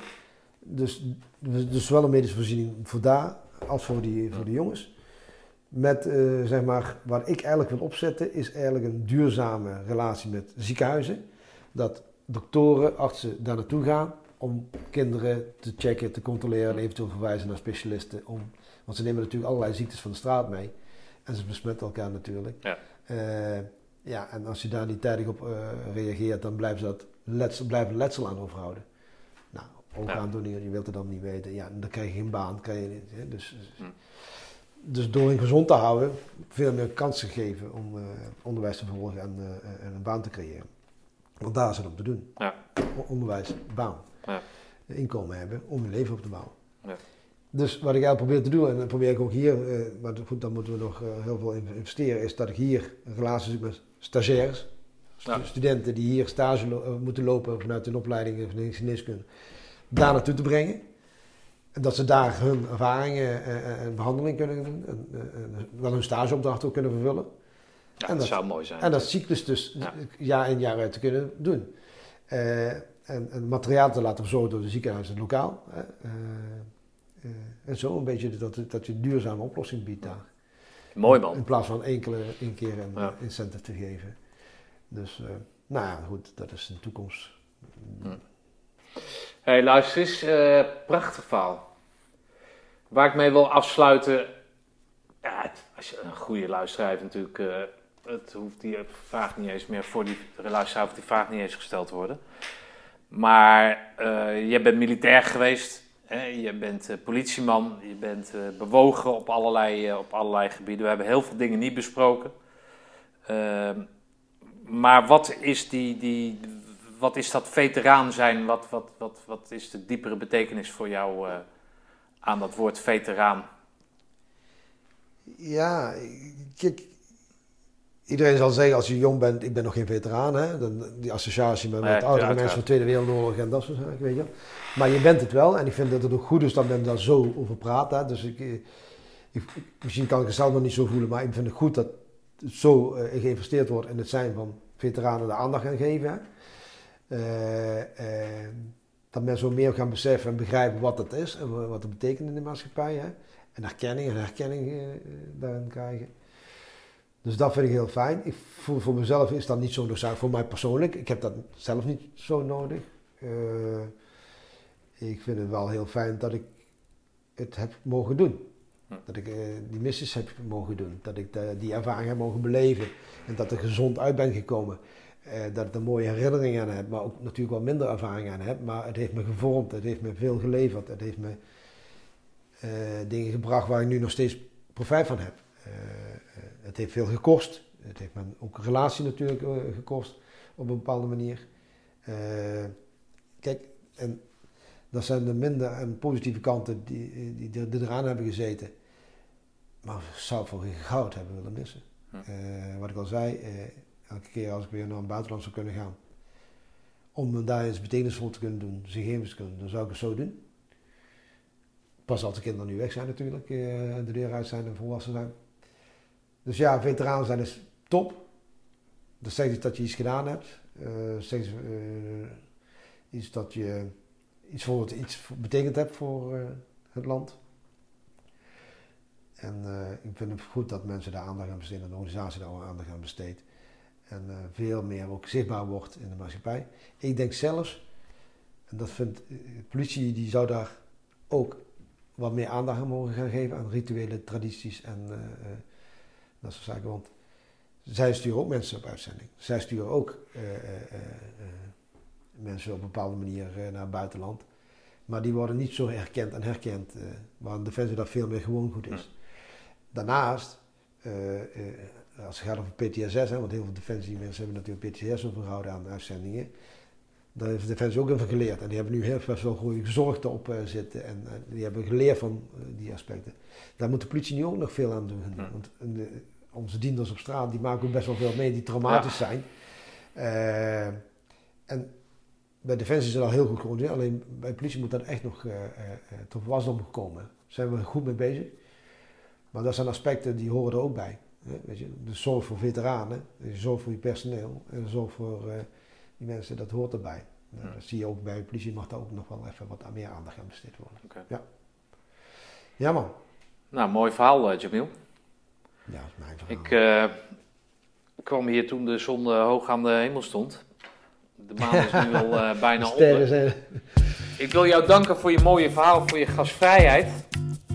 Ja, en nou ja, succes met alles wat je doet. En dat is niet zomaar wat. Vier jongens zei jij, ja, je komt nu tot rust omdat ze met z'n vieren lekker weg zijn. maar pak je rust en, ja, ja. en blijf doseren.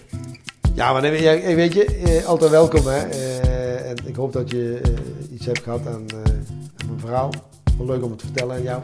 Dus, en je nodigt ook uit om het gesprek te voeren. Hè. Dus dat is, het voelt ook heel natuurlijk aan. Maar blijf maar mijn verhalen, joh. Er zijn heel veel mogelijk. Tuurlijk. Nee, maar dat zal elke veteraan, ik ben geen veteraan, maar elke veteraan zal dat, zal dat herkennen. Ja, joh, weet je. Dus, uh, Dankjewel. Graag gedaan, man. Nou, dat was hem dan weer.